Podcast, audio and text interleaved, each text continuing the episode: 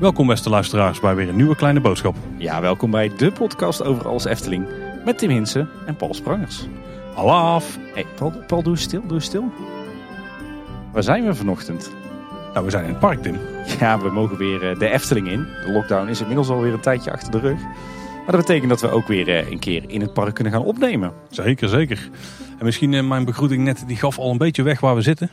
We kijken eigenlijk op de ingang van het Lavelaar. Inderdaad, we zitten nu uh, aan de rand van het, nou ja, een, een, ook wel een soort onderdeel van het Lavelaar eigenlijk, hè? qua naam in ieder geval. Ja, we zitten nu op een, op een bankje bij de Loutiek. Of ik zeg wel de Loutiek, maar eigenlijk heet die tegenwoordig anders, hè, de winkel. Ja, het is tegenwoordig spiegeltje spiegeltje. Maar ik moet zeggen dat qua uitstraling dat dit het minst laafste gebouw is van het Lavelaar. Het valt natuurlijk ook buiten de, de muren. Maar we zitten hier niet voor niks, Paul. Nee, want we gaan vandaag eens een ouderwetse audiotour opnemen. Dat is lang geleden. Volgens mij is de laatste audiotour die wij gemaakt hebben was rond het diorama. Ja, inderdaad. En dat is dan ook nog een vrij beperkt stukje park. Nu gaan we redelijk wat meer vierkante meters uh, beslaan, Tim. Ja, we gaan een, een, wandeling maken door het Lavelaar. En dat doen we niet voor niks, want we zijn er allebei natuurlijk dol op om, uh, om door de Efteling te lopen. Maar zeker ook om in de Efteling opnames te maken. En, en in het bijzonder natuurlijk een audiotour. Dat is altijd hartstikke tof. Tenminste, zo denken wij erover. Um, en het is ook niet voor niks dat we voor het Lavelaar hebben gekozen. Nou ja, het Lavelaar vinden we zelf al twee een van de mooiste stukjes van de Efteling. Tenminste, als ik voor jou mag spreken, Tim. Ja, zeker. Je kent me ondertussen al een, een klein beetje. maar het voelt ook wel een beetje als het ondergeschoven kindje in de wereld van de Efteling. En misschien niet voor de liefhebbers, maar wel voor de, ja, de doorsnee bezoekers. Want die hebben toch vaak moeite om het Lavelaar te vinden. En uh, we hopen dat in ieder geval voor de mensen, ook onder onze luisteraars, die misschien niet zo vaak in het Lavelaar komen, dat deze audiotour toch een reden is om weer een bezoekje te brengen aan uh, dit hele mooie stukje van het park. Hè? Ja, we gaan mensen proberen te overtuigen van de schoonheid van het Lavelaar. Dat is op zich niet zo heel moeilijk, want ik denk als je binnenkomt dat je dan al uh, snel onder de indruk bent. Ja, precies. ja, ik moet zeggen, het Lavelaar heeft bij mij altijd wel een uh, bijzonder plekje gehad. Hoor. Zowel als, als kind. Ik weet nog dat ik hier uh, iedere week wel een keer met mijn opa doorheen liep. Later als liefhebber ook, ook groot fan van het Lavelaar. Of het nou in de winter of in de zomer was. Of in de herfst of, of in het donker. En nu eigenlijk met de kinderen is het weer een hele toffe plek om naartoe te gaan met al die speelelementen. Dus ja, het Lavelaar heeft bij mij altijd wel een heel bijzonder plekje in mijn hart gehad. En het Lavelaar is denk ik ook een van de allereerste ja, echt themagebieden die in de Efteling uh, plaatsvonden naast het Sprookjesbos dan. Hè? Want het is echt een ja, totaalgebied hè? Met, met, een, met, met een verhaal erachter en uh, alle elementen binnen het gebied die uh, vertellen ook dat verhaal. Ja, ja, het is echt een op zichzelf staande wereld. Hè? En wat dat betreft is hij helemaal immersive, zoals we dat dan met een mooi Nederlands woord zeggen. Schitterend Nederlands. Ja. En, en je hebt hier denk ik ook wel wat ze dan bij Disney dwell time noemen. Hè? Ja, zeker. Ja, dat, dat, dat is heel het Lavelaar is daarop gebouwd om dat te hebben. Hoe zouden we dat moeten vertalen? Dwarreltijd? Ja, ja, misschien wel. Ja, ja. ja mooi woord, mooi woord. Hey Paul, zoals gezegd, we duiken dadelijk het Lavelaar in. Maar het zou geen kleine boodschap zijn als we niet eerst eens zouden stilstaan bij de geschiedenis van het Lavelaar. En daar is nogal wat over te vertellen. Zo ja, ik noem het meestal een stukje geschiedenis, maar in dit geval is het een uh, flinke bonk geschiedenis. ja, we hebben ons voorwerk weer gedaan. Mede met dank aan uh, natuurlijk. Het Lavelaar uh, vindt zijn oorsprong aan het, uh, het, eind van de jaren 80. De Efteling had natuurlijk toen flink geïnvesteerd in een heleboel achtbanen en puke rides. En ze wilden eigenlijk terug naar de bakermat van het park, het sprookje. Uh, maar de ontwerpafdeling vond het toen lastig om een passend sprookje te vinden. Aangezien er al heel wat sprookjes in het park waren uitgebeeld. En bezoekers eigenlijk niet meer zo goed op de hoogte waren van de klassieke sprookjes. En daarom was het Tom van de Ven, destijds de hoofdontwerper van de Efteling, die voorstelde om een nieuw soort sprookjesbos te bouwen.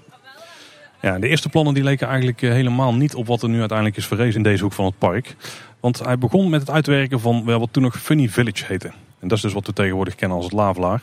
Maar de architectuur die was dus echt compleet anders dan nu. Hè. Nu is het nog vrij, ja, laat het klassiek noemen, met gestukte muurtjes en dakpannetjes. Echt, maar, echt Eftelings, om maar eens een term erin te smijten. Uh, dit is wel echt een heel erg Efteling stukje van het park. Maar dat was het originele ontwerp voor het Lavelaar niet. Want de Funny Village was dus opgebouwd uit de zoetigheden. Het, het klinkt heel erg ja, karikaturaal. Is dat een term, Tim? Ja, ik vind het wel. Bij deze. Uh, want als je dan denkt aan huisjes die zijn opgebouwd uit snoeponderdelen, bijvoorbeeld uit ijsjes of uh, pannenkoeken. En complete gebouwen die er dan uitzien als een taartje, dan denk je, dat kan toch nooit in de Efteling passen. Maar toch, als je die schetsen ziet, Eftepedia die heeft ze nog op de site staan, dan hebben die toch wel een Eftelings sfeertje eromheen hangen. Ja, absoluut. Uh, inspiratiebron van toen was destijds trouwens, uh, waren destijds de plannen voor Luilekkerland. Die stammen uit uh, 1967, 1968. En waren onderdeel van het A-veld daar hebben we het al eens eerder over gehad in onze aflevering over niet gerealiseerde projecten. En het was zelfs een ontwerp van Anton Pieck. En Lui Lekkerland dat zou gaan bestaan uit een verzameling van gekke huisjes en dikke mannetjes die her en der op de grond zouden liggen. Omgeven door een ronde muur van rijstebrei en doorsneden door een kanaal met bootjes. En ook daar zitten weer elementen in, in die plannen uit de jaren 60, die we nu toch ook weer een beetje in het Lavelaar terugvinden. Ja, gekke huisjes, uh, dikke mannetjes die op de grond liggen. Ja, een kanaal. Ja, zeker. Die muur van Rijstenbrei die, uh, is dan wel achterwege gelaten. Er staat wel een muur omheen. Er staat wel een muur, ja. ja. Maar, ja, Ton die zei er op een gegeven moment ook over. Ik heb al jaren gespeeld met het gedachte een soort Lekkerland te maken in combinatie met het beeld van een funny village. Een fantasiedorp met idiote architectuur. Die Lekkerland gedachte spreekt uit de dikbuikige gestaltes van de lava. Het verbeeldt het goedige aspect in de mens, een volk zonder conflicten. En precies dat hadden we nodig in deze tijd van geweld en drugs. Dat is wel een pittige uitspraak van Tom. Ja, precies. De eerste schetsen die dateren uit 1985, 86. Maar toen kreeg Fata Morgana voorrang. Ja, we noemden al een paar keer de naam Funny Village. Uh, dat was de werktitel van het, uh, het plan. Um, eigenlijk was het in eerste instantie de bedoeling om uh, dit gebiedje het Land van Laaf te noemen. Maar in verband met de, de gelijkenis met het, het land van ooit, wat hier vlakbij in de buurt werd, werd ontwikkeld, is er uiteindelijk toch gekozen voor het Lavelaar of het volk van Laaf. Dat zijn eigenlijk twee termen die, die worden door elkaar heen gebruikt. En je vraagt je misschien af, waar, staat, slaat die term lavelaar nou op? Nou, wat blijkt, een laar is een open plek in het bos. Overigens, als we het over het, over het land van Laaf en het land van ooit hebben, wat nog ook wel een leuk detail is, is dat Mark Taminiau, die was kort daarvoor weggegaan bij de Efteling om het land van ooit te beginnen. En die zei over het lavelaar, Anton Pieck zou zich omdraaien in zijn graf. Oh, ik denk dat dat nog wel eens mee zou kunnen vallen. Ik denk dat dat heel erg meevalt, ja. Een beetje een rancuneuze uitspraak. Overigens zie ik zelf altijd Lavelaar als de naam van het gebied. Zeg maar van, het, van de nederzetting ja. op zich, om het zo maar te zien. En het volk van Laaf meer als aanduiding van het totaal wat hier gebeurt, inclusief de, de mensen en zo. Ja. ja, en als je land van Laaf zegt, dan, uh, dan moet je op de brandstapel. Nee, dat mag ook nog steeds. Oké. Dit is ook nog echt wel vaak zo gecommuniceerd in die tijd. Hè? Want uh, wij hebben het thuis ook altijd zo genoemd. Ja, wij ook, maar dat... Daar keurde je af. Ja, precies. Uiteindelijk werden trouwens in 1989 uh, de plannen goedgekeurd. En de locatie van het Lavelaar werd uh, wat tot dan toe de grote speeltuin was. En begin 89 is toen de helft van de speeltuin leeggeruimd. Toen is onder andere de fietsenmolen, de klimtoren, de ponymolen en de familieschommel verwijderd. De andere helft die bleef nog wel staan tot het uh, naseizoen van 1989. En daar stond ook de EHBO-post. En die behield ook zijn functie daarvoor. Hè. Die bleef EHBO-post, maar die is omgebouwd. En die staat er nog steeds. Ja, inderdaad. Dat is het, het Leedhuis. Daar komen we straks ook langs en dan zullen we er wat, wat meer over vertellen. Heeft inmiddels niet meer de functie van EHBO-post, maar in, in de beginjaren was dat zeker nog de plek waar je naartoe moest als je een klein ongelukje had gehad. Een aantal van die draaimolens die zijn overigens wel verplaatst en de gekroonde eend ook naar het speeltuinplein. Dat is achter de vroegere Smulpaap en het Anton Pieckplein. Het kinderbad dat moest ook kleiner worden. En de witte olifant en de aapmolen die bleven behouden. Die laatste vinden we nog steeds terug in het park. Hè? Ja. En de witte olifant die staat natuurlijk bij Villa Padus inmiddels. En ook die jeepmolen die keerde terug, maar dan wel een iets nieuwere vorm. Want de oorspronkelijke jeepmolen die stond eigenlijk hier vlak achter ons, Tim. Ja, waar we tegenaan hangen op dit moment. Want uh, die werd omgebouwd tot uh, de souvenirwinkel De Lutique. Uh, de heksenhoed, de schuitjes, de schommels, de paardenmolen en de dierenmolen... die kwamen terug in het gebiedje tussen het, het Lavelaar en het later geopende Villa Volta... Uh, en uiteindelijk werd daar in 2007 uh, Kindervreugd geopend. Uh, de gerenoveerde en opgefriste variant van de speeltuin. Nou, de perspresentatie van de lava die was uiteindelijk in november 1989. En er moest ook gebouwd worden natuurlijk. Ja. En die bouw die ging ook vrij goed, Tim. Ja, inderdaad. Die verliep vlekkeloos, zegt de Efteling daar zelf van. eigenlijk met name dankzij het talent van Jan Verhoeven, de bouwkundige ontwerper destijds. Om de tekeningen van Ton uit te werken in kloppende bouwkundige tekeningen. En dat is natuurlijk best wel knap werk geweest. Want als je de gebouwen ziet, ja, er is vrij weinig heel erg standaard. Hè? Het zijn heel veel organische vormen die dan toch op uh, ja, eigenlijk bouwkundig correcte manier zijn uitgevoerd. Ja. Overigens was er nog wel wat discussie tijdens de bouw, met name over de bewegingstechniek. Er waren intern namelijk behoorlijk wat, uh, wat twijfels. Zouden ze nou gaan voor die klassieke techniek met de nokkenschijven, die ze natuurlijk kort daarvoor hadden, volop hadden toegepast in de Fata Morgana. Of zou er gekozen worden voor de complexere techniek met de servomotoren, hè, waar ze destijds vooral ervaring mee hadden bij de Trollenkoning. Dat was trouwens uh, het voorstel van Lex. Maar uiteindelijk werd de knoop doorgehakt en koos men toch voor de, ja, eigenlijk de good old uh, nokkenschijven techniek. En dat is trouwens ook de reden waarom alle tafereeltjes die je in het Lavelaar ziet wat hoger liggen. Eigenlijk op ooghoogte van, van de kinderen. Want alle showtjes die zijn onderkelderd en in de kelders vind je dus de, de bewegingstechniek. En door het natuurlijk een beetje hoger te plaatsen hoeft de kelder niet zo diep te zijn. En dat scheelt er in de kosten. En in de, de wateroverlast. Oh, zeker, ja. ja. Bouwkosten bedroegen 15 miljoen gulden. Als je dat omrekent naar de euro, dan is dat 6,8 miljoen euro. Dus steeds een flinke budget trouwens hoor. Ja, zeker voor zo'n gebiedje zonder echt attractiviteit. Hè? Nou ja, nou wat ons betreft zit er eh, zat attractiviteit in. Maar geen echte attractie. Nou ja, eentje dan. Ja, precies. Maar daar komen we eh, straks nog op. Het was trouwens ook het, eh, het eerste project van Erik van der Brand, directeur projectontwikkeling. En met Erik hebben we al eerder een gesprek gehad. Aflevering 137 was dat. En daarin vertelt Erik ook alles over zijn avonturen in het, bij de bouw van het Lavelaar. En uiteindelijk was het 12 april 1990 toen het Lavelaar geopend werd. Maar zoals de, de lava betaamt, een feestje vier je natuurlijk niet één keer. er moest ook nog een heus openingsfeest gevierd worden. En dat was op 15 juli 1990, dus een paar maanden later. Ja, en daarmee is de geschiedenis van het Lavelaar eh, niet meteen ten einde. Want er is behoorlijk wat gebeurd sindsdien. Um, zo werd er in 1991 al heel wat toevoegingen gedaan aan het Lavelaar. Uh, er was blijkbaar toch te weinig te zien in het, in het dorpje. Te weinig kinetics, zoals we dat dan met een woord zeggen. Te weinig beweging. Dus in 1991, een jaar na opening, werden onder meer schoorsteenlaaf Grote Lef, Elektricien Elektriek, de orgellaaf Ludwig, Luiwam bij het Brouwhuis en Bakker Luim en zijn knecht Leffie bij het Larikoekenhuis toegevoegd. Maar zo'n beetje alle animatronics die, die je buiten ziet in het Lavelaar het Lavelaar bestaat natuurlijk uit speeltuinelementen. Een beetje dus bijna de, de sprookjesbosachtige huisjes waar je kunt kijken. En je kunt er eh, flink rondlopen door mooie natuur. Maar er is natuurlijk ook een attractie, dat is de monorail of de slakkenmonorail.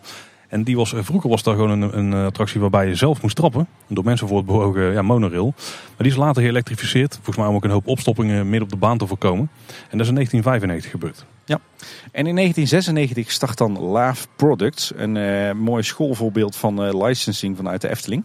Love Products was een initiatief van Kees Vriesekoop. Die op dat moment onder meer in de Efteling actief was met zijn bedrijf Hot King.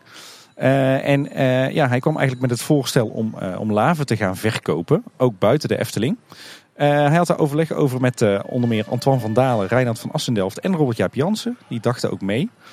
Um, en de Efteling kreeg destijds de keuze van Kees Vriesekoop um, of je doet mee. Je neemt 50% van de aandelen of je kiest voor royalties. En uiteindelijk uh, in opdracht van de Raad van Commissarissen werd gekozen voor de royalties. En dat is achteraf bezien toch niet bepaald een uh, gunstige keuze geweest. Want de Efteling is daardoor flink wat geld misgelopen. Want ja, zeker eind jaren 90 liepen die laven als een mal. Hè? Ja, en het aanbod van Lave Products, dat waren onder andere thuis- en tuinlaven. En ik moet zeggen Tim dat ik die in de buurt hier nog wel af en toe spotter. Ik ook, vaak wel in een slechte staat. Nou, ja, wel, ja. En ik moet bekennen dat ik thuis ook nog wel wat, wat exemplaren heb. En het is niet alleen hier in de buurt of in Nederland dat dit werd verkocht. Echt wereldwijd al zit een hit, hè? Ja, ik geloof dat het zelfs in Japan ontzettend populair ja, inderdaad, was. Ja. Ja. Er werden trouwens ook nog cd's uitgegeven door Laaf Products, maar ook modelhuisjes. Dus eigenlijk van ieder huisje in het Lavelaar is een miniatuur uh, gemaakt. Dat was ook een groot succes. Ja, en nog duizenden en een andere artikelen.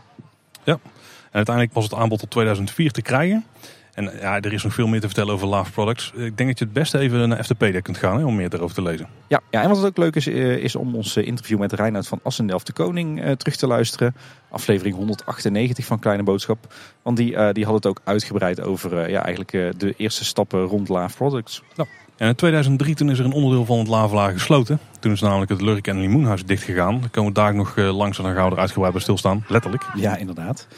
En in januari 2005 volgde er een eh, toevoeging aan het Lavelaar. Uh, want toen ontwierp uh, Michel den Dulk ja, eigenlijk een reliefje van een, een larfje, hè, een babylaaf. En die werd op de prullenmanden geplaatst in plaats van de, de standaard bordjes van Klein Duimpje. In 2011 leek er even een kleine opleving van de lava te komen. Want toen is de tv-serie Lummels ontwikkeld. Het duurde volgens mij een tijdje voordat we daar echt alles van konden zien. Ja, inderdaad. En dat is nooit echt een uh, groot succes geweest. Hè? Nou, uiteindelijk is die uh, te zien geweest in uh, volgens mij de vakantiepark van de Efteling op het videokanaal daar. Ja, en volgens mij ook nog wel bij Nickelodeon, toch? Ja, ja, ja. en er is ook nog wel wat gelekt op YouTube. Dus als je het wil kijken, het is nog te zien. Ja, we hebben het er ook uitgebreid over in onze aflevering Efteling en Media deel 2 met Bjorn Bouwers.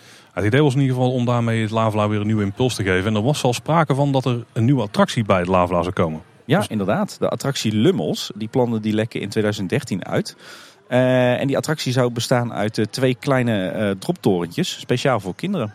Ja, een beetje vergelijkbaar met wat je kunt vinden in het achtergebied van Europa Park volgens mij. Ja, en volgens mij zou die attractie komen op het, de voormalige locatie van het kinderspoor. Hè? Dat grasveldje een beetje rechtsachter het Lavelaar. Ja, inderdaad, het ene veldje waar die hand aangedreven motor nog een beetje heel erg alleen staat. Ja, inderdaad. Het, eh, het, ik denk het rustigste stukje Efteling. Dus ideaal als je een eh, klein kindje of een babytje hebt eh, die even moet, moet slapen. Of als je zelf even een tukje wil doen natuurlijk. Uiteindelijk gaan die plannen dus niet door. Ik denk dat we wel kunnen stellen dat die definitief van de baan af zijn. Maar toch wordt er in de- 2013 een andere poging ondernomen om eh, iets meer mensen het Lavelaar in te trekken. Ja, inderdaad. Want eh, in mei van het jaar eh, wordt de laafmuur op een aantal plekken verlaagd. Onder meer bij Lots Kraamhuis, het Slakkenhuis en het, eh, het Lachhuis. En met het idee dat mensen dan makkelijker het Lavelaar in kunnen kijken en dan misschien eerder geneigd zijn om eh, naar binnen te lopen. Ja, dat het eh, Lavelaar een grotere aantrekkingskracht krijgt. Nou, voor een attractie die nooit officieel was aangekondigd, wordt die wel officieel afgeblazen. Dat gebeurt in 2015 door eh, Fons Jurgens. Die bevestigt dan dat eh Lummels niet doorgaat. Ja, en tussen 2017 en 2021 eh, vindt er eh, nog een aantal keer groot onderhoud plaats eh, in het Lavelaar. Er worden flink wat, wat huisjes onder handen genomen. Verder krijgt het, het ingangsplein, dus zeg maar het pleintje bij het, het Slakkenhuis, het Loerhuis en de Pomp, krijgt nieuwe bestrating in juni 2019. En verder zien we dat, dat de slakken in 2020 nog een grote onderhoudsbeurt krijgen. Dan krijgen ze ook een, een ander verfje met een heel mooi slakkenpatroon naar een originele ontwerp van Tom van der Ven. Ja, en de laatste toevoeging of aanpassing eigenlijk eh, vond plaats eh, dit jaar in 2021. Want eh Lals Brouwhuis kreeg een, een nieuwe ingangstunnel. En ondertussen wordt er eigenlijk momenteel nog her en der vrolijk doorgeklust aan het Lavelaar. Ik denk dat we kunnen, wel kunnen stellen dat er altijd wel onderhoud gepleegd wordt in het dorpje. En wat dus vrij uniek is aan het Lavelaar, en zeker in die tijd, is dat daar een heel verhaal achter schuil gaat. Het oorsprongsverhaal wordt verteld in het Loerhuis. Maar zullen we het eens even samenvatten, Tim? Want je kunt het daar natuurlijk uitgebreid luisteren. Verteld door Wieteke van Docht, schitterend verhaal. Ja, prachtige Efteling stem ook hè. Het komt er eigenlijk op neer dat er heel lang geleden, miljoenen jaren geleden zelfs, een volkje woonde op de Noordpool. Dat waren de laven. En eh daar was het vroeger lekker warm, Tim. Ja, je kan het je bijna niet, eh, niet voorstellen. Nee. Maar blijkbaar werd het op een gegeven moment toch echt zo koud. Zo koud als wij de Noordpool nu kennen. En toen dachten de laven, nou, er is niks, wij gaan niet weg. Wij, willen, eh, wij gaan vertrekken hier. Ja, we slaan op de vlucht. Het volk van Laven stond trouwens uit de stamvader Laaf, oermoeder Lot en hun kinderen, de Laven. Uiteindelijk was het geniale plan van eh, stamvader Laaf om tunnels te gaan graven. Ja, inderdaad. Eh, ze besloten om op reis te gaan eh, naar het binnenste van de aarde. Want ja, daar was het natuurlijk warm. En warmte hebben de laven nodig om te leven, want in de koude, dan sterven ze. Dus de laven groeven tunnels. Vlak voordat ze met z'n allen onder de aardkorst doken, vond er een groot onheil plaats. hè. Ja, want eh stamvader Laaf was oermoeder Lot kwijt en die ging terug naar buiten om haar te zoeken. En eh, daarbij eh, overleed hij, vroor hij vast in, eh, in het ijs op de Noordpool. Ja, dat is wel even belangrijk om te vertellen. Want laven hebben in principe het, het eeuwige leven. Ze leggen wel eens het loodje, maar dan worden ze door moeder Lot van Lotje getikt. Beetje in de buurt van waar wij de navel hebben zitten. Daar, daar zit hun, hun laveltje. En dan leven ze gewoon weer door. Maar eh, ja, stamvader Laaf die legde het grote lood. Het regen van stamvader Laaf werd er een, een gouden beeld gemaakt. Dat hebben ze door de, door de tunnels die ze hebben gegraven meegenomen. En uiteindelijk hebben ze onder de grond redelijk eh, lang over de wereld rondgezworven. Ja, en daar beleefden ze flink wat avonturen. Ze st- staken af en toe hun kop naar buiten. En dan groeven ze tunnels naar boven. En eh, de ene keer kwamen ze grote beesten tegen. Eh, de andere keer dan moesten ze een grote oliezee oversteken. Ehm, en maar eigenlijk overal waar ze naar boven kwamen, ehm, vonden ze het niet leuk genoeg om te, om te gaan wonen. En op een gegeven moment waren ze op een plek aan het graven en daar voelden ze een hoop warmte van de grond afkomen. En dan dus niet letterlijke warmte van de zon, een warme sfeer ging daar. Een warme, om- een warme omgeving, ja. Ja. En eh, ja, toen staken ze daar een hoofd naar boven en toen bleek dat ze in de Efteling waren uitgekomen, in Kaatsheuvel. Ja, en het grappige is, ze hoorden hier op het moment dat ze eh, hier hun kop naar boven staken, hoorden ze eh, de uitroep Alaaf. Ja, je riep het daar straks al, Paul. Dus ze voelden zich eigenlijk meteen thuis, want Alaaf is het nou net de verzamelkreet van de laven. Ja, en ze troffen daar ook het eh, carnaval dus. En eh, dit was een plek waar de laaf zich meteen thuis voelde. En die hebben hier eh, toen een nederzetting opgebouwd. Ja, ze stichten hier hun eigen dorpje. Ze keken eigenlijk naar hoe de mensen bouwden. En ze deden dat op een, een eigen manier na. En zodoende ontstond hier het, eh, het Lavelaar in de Efteling. En dan is denk ik het moment aangebroken, Tim, dat wij dadelijk eens het Lavelaar gaan betreden. Richting de poort gaan. Ja. En dan jullie meenemen door het Lavelaar. En nou, nou denken jullie misschien een audiotour door Laaf. Ken ik daar niet ergens van? Ja, klopt Paul, want in de geschiedenis is er al een keer een audiotour geweest. Ja, dat is inderdaad de Laafloop. Dat is een, audiotour die wel een iets andere insteek heeft dan wij. Die doet het heel verhalend. Hè. Die neemt je echt mee door de wereld van de laven. En die, die vertelt eh, wie iedereen is en waarom alles gebeurt in die huisjes. Die vertelt wat over de omgeving. Gaan wij deels wel doen.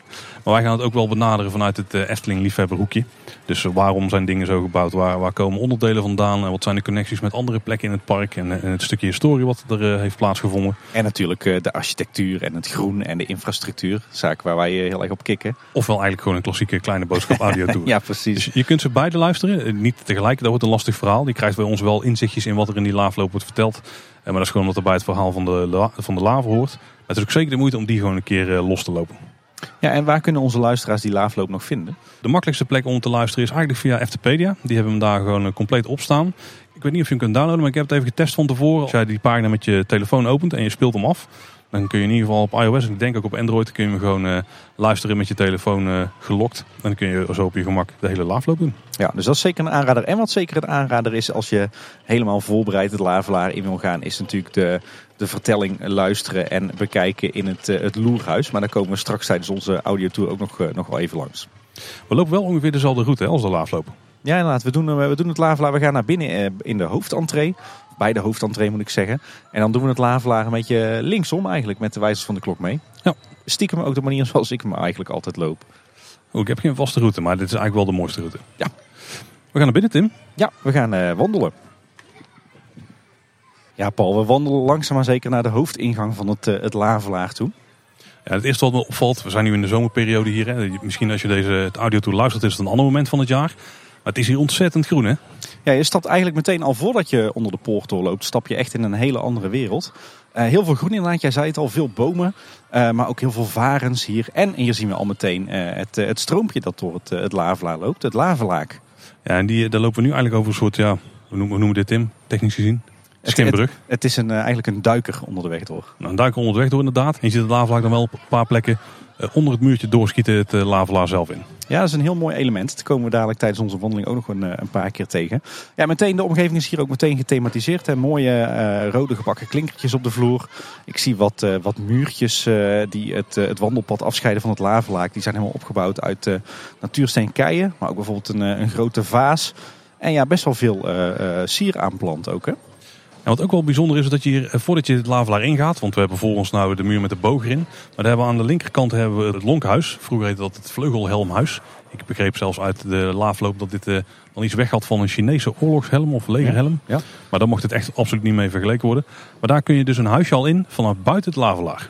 Ja, precies. Normaal gesproken wel. Eh, nu wij hier staan is het, het lonkhuis afgesloten met, met hek en een bord. Eh, maar laten we eerst even naar het, eh, het lonkhuis kijken. Wat mij betreft meteen een van de mooiste bouwseltjes in het Lavelaar.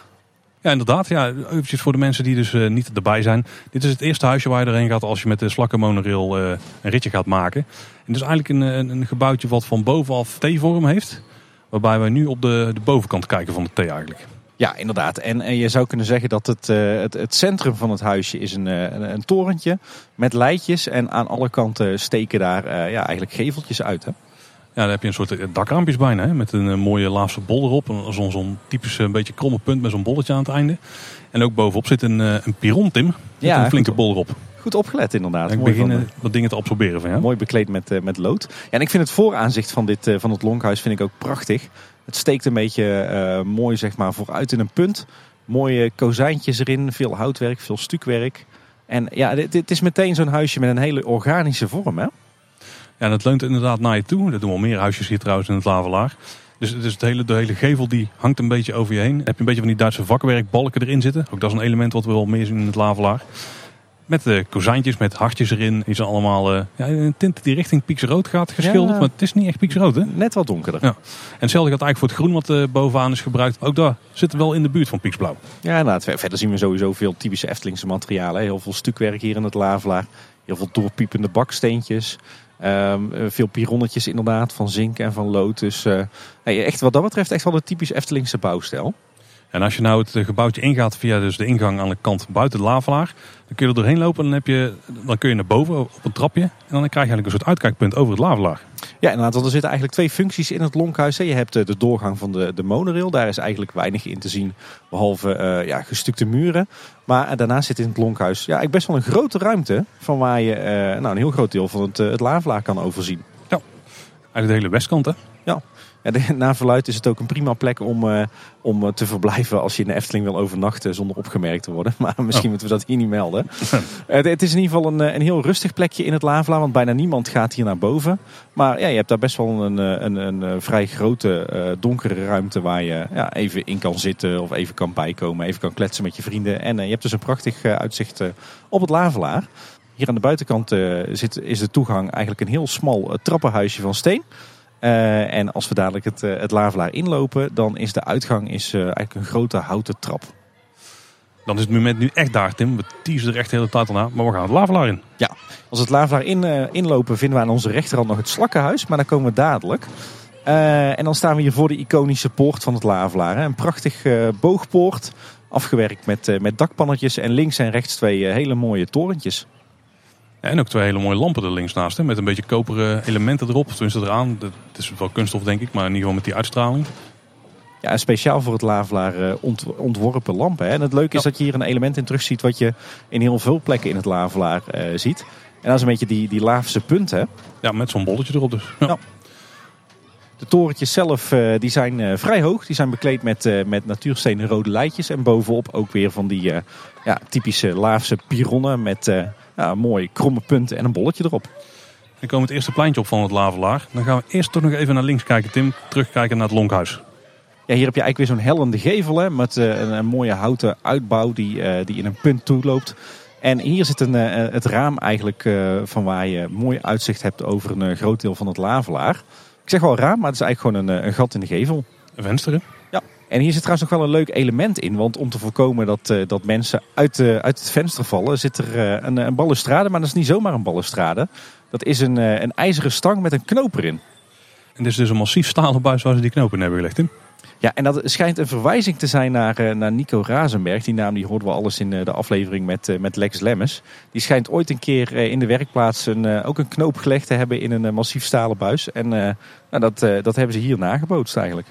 Ja, tof detail. En we staan hier eh, op het ingangsplein van het, eh, het Lavelaar. Denk een van de grotere pleintjes hier in het dorpje. Uh, jammer genoeg zijn hier een, een, jaar of twee geleden de, de oude gebakken waaltjes, de oude gebakken klinkertjes, die zijn vervangen door, door rode gebakken klinkers die wat nieuwer zijn. heeft net wat minder die ruige uitstraling die je elders in het Lavelaar terugziet. Maar ik moet zeggen, we zijn inmiddels twee jaar verder en ze beginnen wel een beetje erin te passen in dat Laafse sfeertje. En ze krijgen inderdaad een beetje een ja, toch wel een oude uitstraling weer. Hè? Ja, inderdaad. En het is natuurlijk wel beter voor de toegankelijkheid voor rolstoelers en eh, kinderwagens. Ja, dus op een paar plekken in het Lavelaar is, het, is de ondergrond nog vrij ruw. Best een uitdaging, ja. Je hoort het misschien op de achtergrond, maar er wordt die muziek gemaakt, niet, niet gedraaid. Want hier staat een soort orgel hè, waar een laaf in zit. Ja, dat is uh, Laaf Ludwig. Natuurlijk een, uh, een mooie verwijzing naar Ludwig van Beethoven. en die speelt inderdaad muziek op zijn Laafse orgel. Ja, de muziek die is eh, van Peter van Ostade en van Kees van Berkel. Er is ook een winterversie van de muziek voor de laatste winterspelen. Ja, inderdaad. Voor, voorheen wel. Nu hoor je eigenlijk in de winter eh, gewoon het wijsje wat we nu ook horen. Uh, maar inderdaad, met, met, tijdens de laatste winterspelen speelde die onder meer We Are The Champions en Hup Holland Hop. En hier is in het jaar 2020 nog wel een wijziging geweest. Want toen is de, de pruik die Ludwig op heeft, is iets markanter geworden. Ja, inderdaad. Hij heeft nou echt zo'n zo'n pruik uit de pruikentijd, hè, waar Beethoven natuurlijk ook leefde. Het is echt een prachtig bouwseltje, dat orgeltje. Het is eigenlijk een, ja, ook weer een houten, houten huisje op wielen. En daarin zit een venstertje. Achter dat venster zit Laaf Ludwig. Die trekt aan, ja, wat trekt hij eigenlijk aan? Aan de hendels van het orgel. Ja, het is een beetje een steampunk orgel, hè? ja, inderdaad. links en rechts drie orgelpijpen. En in het midden zit uh, ja, zeg maar de, de, de verdeler van de lucht. Uh, die wordt bediend door Laaf Ludwig. Ook weer prachtig gedetailleerd met uh, klinknageltjes en, en smeetwerk lijkt het wel.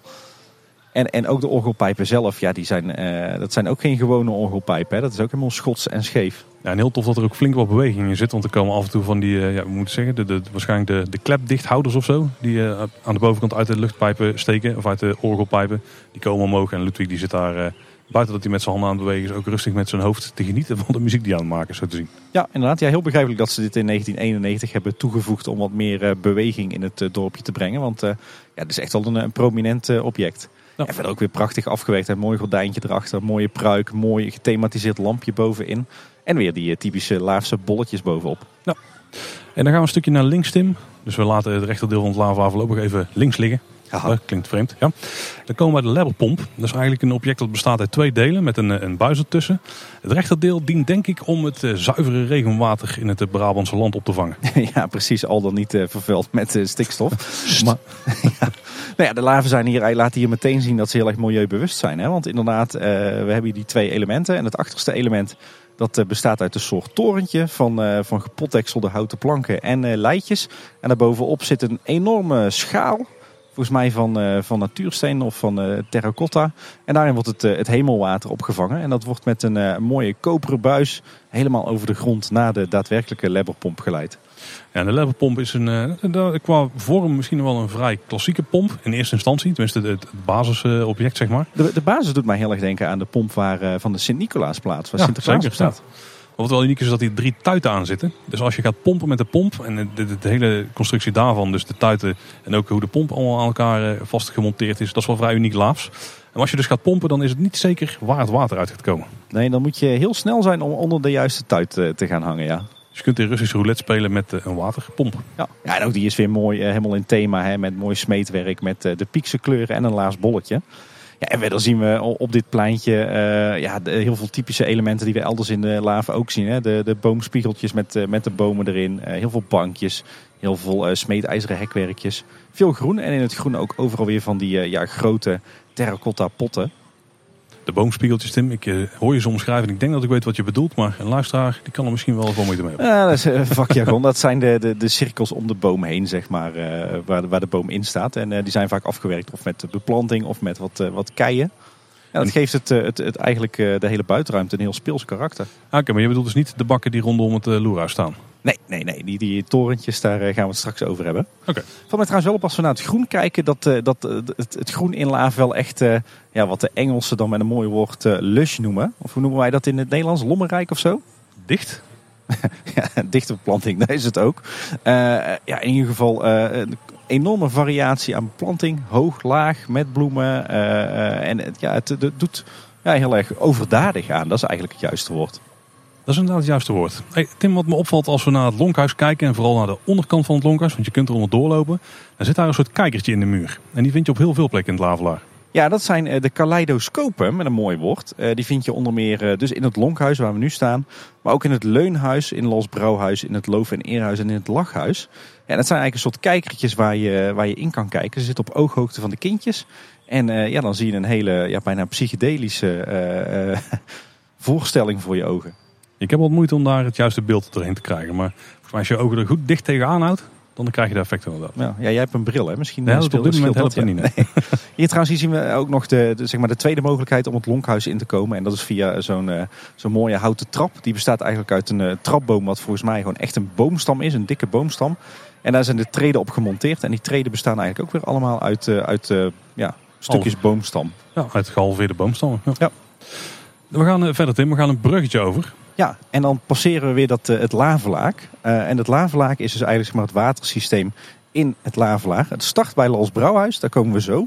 En het kronkelt uh, door het hele dorp, maar ook daarbuiten. We zagen net natuurlijk bij de ingang, zagen we hem ook al.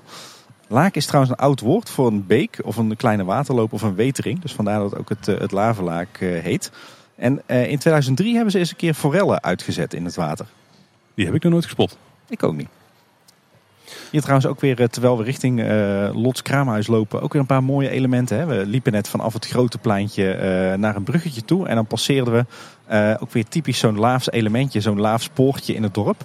Twee, twee kolommetjes van stukwerk met wat doorpiepende baksteentjes. Met bovenop ja, zinken of loden spitsen met zo'n laafs bolletje. En ook weer van die hele mooie ja, laafse lampjes eraan. Een beetje van die kelkglazen waar dan een, een peertje in zit. En het, uh, met een, uh, een koperen kapje erop. Dat ziet er ook weer prachtig uit. Ja, en het bruggetje waar we nu overheen lopen is ook mooi. Dat is uh, ook een stuk bruggetje met met natuurstenen bovenkant erop. Dus gewoon wat keien die erin zijn gelegd in het cement. En eruit steken dan wat, metalen, wat metalen staven.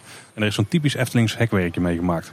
Ja, met mooie krulletjes aan de uiteinden. Ik zie hier trouwens ook iets bijzonders in het water liggen. Ja, inderdaad, er ligt hier een, een stuk hout in het water. Er groeit overigens inmiddels een boom uit. Dat is ook wel vrij bijzonder trouwens. Maar dit is uh, IJslands hout, hè? Ja, inderdaad. Dit uh, zijn IJslandse boomwortels. Dat zijn uh, eeuwenoude boomstronken die hun vorm hebben te danken aan gletsjers in IJsland. En die vinden we op zes plekken in het Lavelaar. Ja, we zullen ze proberen op te merken als we er langskomen in het Lavelaar. Ik heb ook begrepen in de aflevering met Jacques die we hebben gemaakt... Ja? dat die ook de vorm hebben gekregen omdat ze er zo lang in het water hebben gelegen. Dus ik vermoed dat het smeltwater van de gletsjers is die dit zo heeft veroorzaakt. Ja, die hebben gezorgd voor erosie zie trouwens ook langs het, eh, het lavelaak ook eh, een heleboel grote keien. Die passen daar ook wel bij, bij, dat, bij die gletsjergedachte. Hè? Ja, je ziet ook dat het brugje waar we nu overheen lopen, dat het water hier wegloopt. Want er is een ja, soort microscopisch klein watervalletje. Waardoor, waardoor er wel verval is in het waterniveau hier. Ja, inderdaad. loopt langzaam maar zeker af naar het, het einde van het lavelaak. En volgens mij komen we dat tegen bij het lachhuis. Volgens mij is dat het eindpunt. En dan lopen we richting uh, Lots Kraamhuis. Ik zie hier trouwens inderdaad zo'n prullenmand met een, uh, een bordje papier hier erop. Met niet uh, een klein duimpje en zijn 7 mijl slazen. Maar echt een, een larfje, een babylaafje. Ja, die vind je inderdaad op meerdere plekken hier in het lavelaar. En net daarbuiten ook trouwens. Ja. Ja, en naast alle mooie, mooie lampjes die je hier aan de, aan de muurtjes ziet, staan er ook lampjes in de plantsoenen om een beetje te zorgen voor licht op het, op het pad. en dat zijn ja, eigenlijk ja, van die mooie groene staande lantaarntjes. Met ook weer een, eh, een mutsje erop wat eh, prachtig bij het, het past. Hè, met zo'n bolletje. Ja, we zijn net onder de monorail doorgelopen en we benaderen nu eh, Lots Kraamhuis. Een gebouw in het uithoek van het Lavelaar. En een van de uithoeken van het Lavelaar.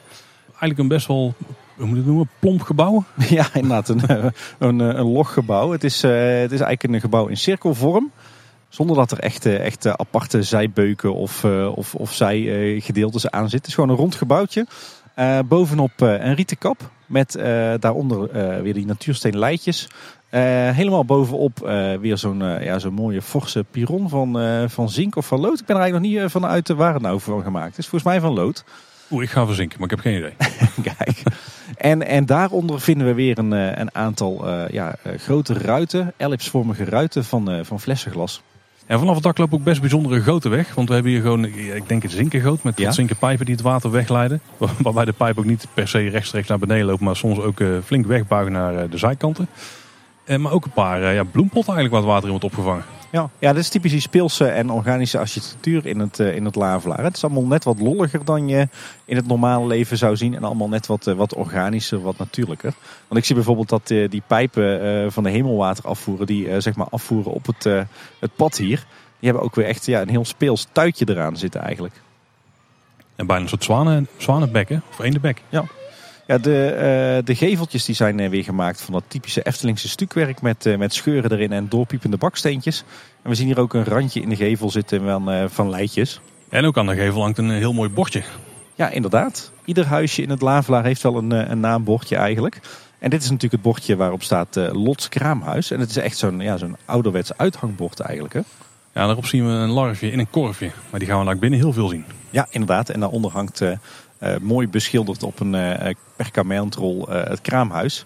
Maar ook dit bordje heeft weer volop details. Hè, want het larfje in zijn mandje is helemaal in 3D uitgevoerd. En het is ook niet zomaar opgehangen. Er, hangen weer allerlei bolletjes tussen. En met bladgoud bekleed. En mooi siersmeetwerk. Dus ja, eigenlijk aan ieder elementje in het lavelaar is ongelooflijk veel zorg besteed. Zo zien we ook weer hier weer hele mooie hanglampjes aan de gevel. Met allerlei krullen. We zien ook dat de gevel is beschilderd rond die ruiten met een, mooi patroon met allerlei blaadjes en, uh, en hartjes. En die schilderingen doen me vrij erg denken aan wat ze nu bij Bekkerij Krummel erop aan het zetten zijn. Ja, inderdaad. Daar zitten ze ook rond, uh, rond de ramen. Hè? Het, het, huisje staat trouwens ook helemaal in het groen uh, geplant. En het, het, staat er niet alleen rondomheen, maar het groeit ook tegen de gevel aan. Ja, de klimop is op een paar plekken in het Lavelaar wel verwijderd van gevels. Maar hier groeit hij nog steeds verder. Hier, links trouwens, voor we het, huisje ingaan, uh, heb je zo'n verlaging in de laafmuur. Waar je dus uh, niet meer tegen een hoge blinde muur aankijkt, maar waar je eigenlijk uh, ja, richting het Witte Paard kijkt. Zoals we binnen gaan? Ja. Dan pakken we de linker ingang. En dan kijken we de scène in die we hier vinden. Ja, het tafereeltje. Lots Krama is als het ware de, ja wat is het, kinderdagverblijf van de laven. ik heb het idee dat de, de laven allemaal opgroeien. Want dat is ook de enige plek waar je larfjes vindt eigenlijk. Hè? Ja, inderdaad. De volgende fase als ze lummels worden, dan zijn ze te vinden in het leerhuis dan uh, mogen ze naar buiten. We zien er enorm veel uh, laven dus, uh, of vooral larven dus. Want die bevinden zich allemaal in korfjes aan de wand. Tenminste op een aantal na. Want die worden gevoed door Lot. Met, met druivensap zo te zien hè? Ja, ze hebben het goed voor elkaar hier. Ja, inderdaad. Nou ja, de tafereeltje aan de binnenzijde van Lots Kraamhuis bestaat inderdaad ja, eigenlijk uit een, een hele hoge ruimte die, die rondloopt. En uh, aan de achterwand, uh, die uit stoekwerk gemaakt is, daar, daar zie je inderdaad heel wat uh, rieten mandjes met daarin de larfjes. En het leuke is ook, ze doen allemaal, uh, ze doen allemaal wel iets bijzonders. Hè? Ja, ik denk dat we niet alles moeten gaan verklappen wat je ziet. Want je moet hier ook gewoon zelf even stilstaan en rondkijken. Dus zet hem op dit moment even op pauze. Ja, we zijn weer terug. Maar een paar details zijn wel leuk om even uit te halen. Ja, ook nog wel een mooi tafereeltje is, is uh, het larfje Loef. Uh, er is nogal een, een doerak, want die hangt in zijn korfje. En die heeft eigenlijk het dekentje vast van het korfje boven hem, waarin Lubbe zit. En daar uh, trekt hij heel de tijd aan, waardoor uh, uh, Larfje Lubbe nogal veel op en neer schommelt. En die ziet er behoorlijk misselijk uit. Ja, we hebben ook Laaf Light en die eh, is ook een broertje aan het pesten. Laaf Luf zo te zien. Want die, die bungelt op speen met een touwtje boven het hoofd van eh, zo'n, ik denk, broertje. Ja, wat ik ook nog wel twee leuke larfjes vind zijn eh, het larfje Lef. Die heeft echt daadwerkelijk lef, want die eh, probeert zo'n beetje uit zijn, eh, zijn korfje te, te springen. Terwijl dat hij toch heel hoog hangt. En zijn tegenhanger is het, eh, het larfje Laf. En die zit echt helemaal in zijn korfje verborgen. En heel af en toe eh, duwt hij het dekseltje een keer open. Nou, we zien hier dus ook oermoeder Lot. Die brengt hier haar dagen door om de larven op te voeden. En eh, we zien ook nog een andere laaf, hè, een hele oude. Dat is niet de stamvaderlaaf die eh, toch gereïncarneerd is, maar dat is uh, Loïklaaf. En die ligt eigenlijk klaar om van Lotje getikt te worden. Die is, die is er wel klaar mee volgens mij. Ja, zodra die van Lotje wordt getikt, dan, dan begint hij weer eigenlijk zijn leven als larfje. Ja, hij heeft zijn, zijn jasje al opengeknoopt. Hè? Je ziet al zijn laveltje zitten. Ja, klaar om getikt te worden. Ja, en ook hier zit het decor eh, helemaal vol met allerlei leuke details. We zien een grote houten ladder die eh, moeder Lot waarschijnlijk gebruikt om naar boven te klimmen. Eh, er staan hier ook wat, wat wasbakjes waar water in stroomt. En heel veel babyspeelgoed. Maar dat is niet zomaar het speelgoed wat je bij de Action koopt, hè? Ja, dat is vrij veel handgeknutseld speelgoed. Hè? Ik zie hier een, een klein paardje gemaakt van boomstammetjes en een denappel. Ja, en heel veel houten blokken, heel veel houten speelgoed eigenlijk. Ik zie ook een mandje met, eh, met kastanjes nog waar ze mee kunnen spelen. Kaarsen, lijkt me niet helemaal een veilige manier van verlichten met al die, eh, die kleintjes. Wat ik trouwens ook nog wel een mooi detail vind, is dat eh, tegen de achterwand een heel mooi gedetailleerd schilderijlijstje hangt. Met volgens mij de foto's van, of schilderingen moet ik eigenlijk zeggen, van Moeder Lot en Stamvader Laaf. Ja, inderdaad. Ja. En, nog een ander tof detail is de manier waarop ze hier de wassen droog hangen. Maar die moet je zelf misschien even gaan checken in het, in het huisje hier. Ja, daar hangt hier inderdaad een hele bijzondere wasmolen. Valt me trouwens nu pas op dat, eh, dat ze eh, toch ook aan wat preventie doen in Lots eh, kraamhuis. Want ik zie nu dat ze een veiligheidsnetje gespannen hebben onder het larfje Lef. Die dus uit zijn mandje wil springen. inderdaad, ja. Ja, dat geldt eigenlijk voor de hele Lavelaar. Hè. Je, je kunt blijven kijken naar die decors. Er is, er is meer dan genoeg te zien. En het is tijd om weer naar buiten te lopen, Tim. En dan gaan we dus via de rechteruitgang naar buiten. En dan zouden we hier links het lavelaar uit kunnen gaan. Dat gaan we niet doen. Er komen een kindervreugd uit. En we komen op een soort, eh, ja, dat is bijna kruispunt trouwens. we kunnen nu drie, eh, drie kanten op. We zouden naar rechts kunnen, maar dan gaan we eigenlijk terug naar waar we vandaan kwamen. Het meest linkse pad pakken we. Ja, dan lopen we weer richting zo'n typisch Laafse poort. Hè, met twee van die kolommetjes met eh, de lampjes eraan en de Laafse mutsjes erop. En voordat we de poort doorgaan, dan lopen we weer langs een van die IJslandse boomwortels. Die ligt hier rechts in het groenperkje. En als we dan die eh, typisch Laafse poort door zijn, dan komen we ook weer op een, eh, een, een binnenpleintje eigenlijk. Ook weer met heel veel eh, mooie beplanting, heel veel varens. En dan hebben we hier rechts eigenlijk een, een eerbetoon aan de oude speeltuin die hier vroeger lag. Hè? Ja, want we zien hier een aantal lachspiegels, maar ook een aantal van de wippen die we volgens mij vroeger vonden in, het, in de oude speeltuin. Ja, inderdaad.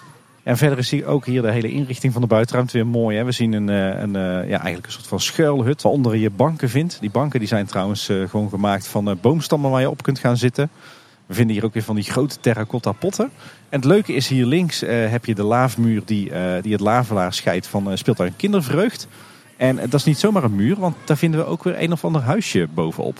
Ja, een soort torentje bijna. Lijkt bijna wel een wachttorentje. Ja, inderdaad. Doet me ook een klein beetje denken aan de bouwstijl van het, eh, het diorama. Met al die muurtjes en torentjes en eh, poortjes. Ja, inderdaad, ja. ja. Ook hier ook weer zo'n IJslandse boomwortel. Die ligt hier ook weer midden in het groenperk. Je hebt wat met die boomwortels, Paul. We hebben er al drie gespot. we zijn al de helft. Leuk is trouwens als je kijkt naar het, eh, het eh, torentje in de laafmuur. Het ziet er trouwens prachtig uit met een, eh, een mooi raampje. Ook weer met gekleurd glas erin en een, een dakje van, van leitjes. En het is ook mooi bekleed met hout her en der. Maar daar hangt ook een vogelhuisje aan. Ja, dat is wel een echt laatst vogelhuisje. Misschien wel het meest gedetailleerde vogelhuisje wat ik in de Efteling heb gezien. Ja. Met een, een dakje ook met lijststeentjes en daar wat, en daar wat lood op om eh, de nok dicht te maken. Met nog een extra afdakje boven de ingang waar de vogel naar binnen kan vliegen. Ja, echt een laafsvogelhuisje. Volgens het grappige is, dit is geen echt vogelhuisje, maar dit is eh, stiekem een, eh, een luidspreker. Oh, goed. Die hebben ze goed verstopt. Ja, daar, en, ja, en daar komen dus die, die vogelgeluiden uit die je in het, het hele Lavelaar hoort. Maar niet alle vogelgeluiden, want er zitten hier natuurlijk ook meer dan genoeg echte vogels. Maar de kunstmatige vogelgeluidjes die komen uit de Laafse vogelhuisjes. Als we nog eens kijken naar die wippen, Tim, want die zitten eigenlijk verwerkt in een muur. En in die muur zitten openingen. En eh, in de opening is dan eh, het scharnierpunt van, eh, of het kantelpunt van de wip bevestigd. Zo kun je aan de buitenkanten aan ieder zijde van de muur dus eigenlijk wippen. En je hebt dan een kortere wippen en je hebt langere wippen. Zo, dit klinkt allemaal heel dubieus. Ik snap wat ik bedoel als je. Ja, precies. We lopen weer een stukje door richting eh Lols Brouwhuis. En dan komen we rechts nog een heel bijzonder element tegen. Want er is, ja, wat is er eigenlijk gemaakt? Een soort van slakkenhuis van uh, muurtjes. Het prototype van uh, Villa Padus misschien wel. Ja, ik de fundering van Villa Padus misschien wel. Bijna wel, wel een kleine vorm. Ja, als je, dit is eigenlijk een muurtje en als je dit van bovenaf zou bekijken, dan is het een soort ja, slakhuis inderdaad, een soort krul. En je kunt daar oplopen en dan kun je eigenlijk niks. Ja, een beetje uitkijken op de omgeving. Ja, inderdaad. Ehm, in het muurtje zijn ook een aantal ja, eigenlijk boombakken geplaatst, verwerkt. En eh, daarin eh, staan eh, taxisboompjes. En die zijn ook op een mooie laafse manier geknipt. Want er zit eigenlijk dezelfde krul en vervolgens een bolletje in. Zoals we die op heel veel plekken in het Lavelaar op de gebouwtjes vinden. maar die vinden we hier dus in het groen. Het is wel een van de vreemdere bouwsels vind ik in het Lavelaar. Want je, ja, je kunt er eigenlijk niks. Het dient als een klein uitzichtpuntje. Maar het zit niet eens een bankje of zo op. Dus je kunt er ook niet echt gaan zitten op je gemak.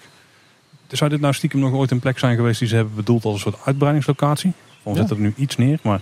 Of misschien een podiumpje voor entertainment, want zo ziet het er ook wel uit natuurlijk.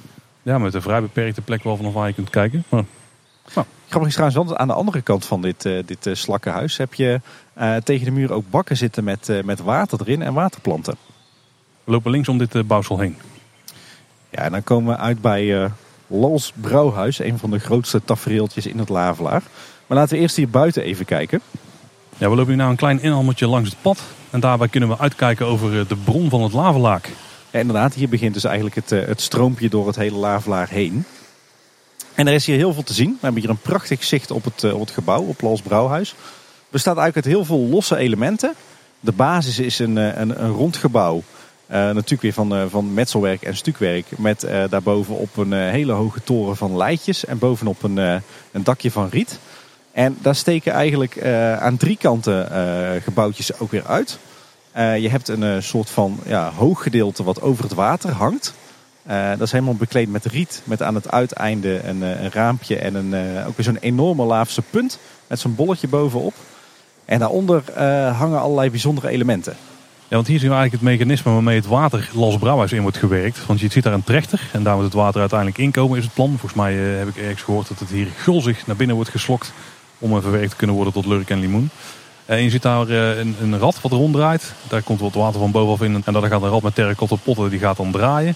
En dat mechanisme zet dan weer de kruikingang die het water ophijst uit het laak. Om eigenlijk die kelk te voeden.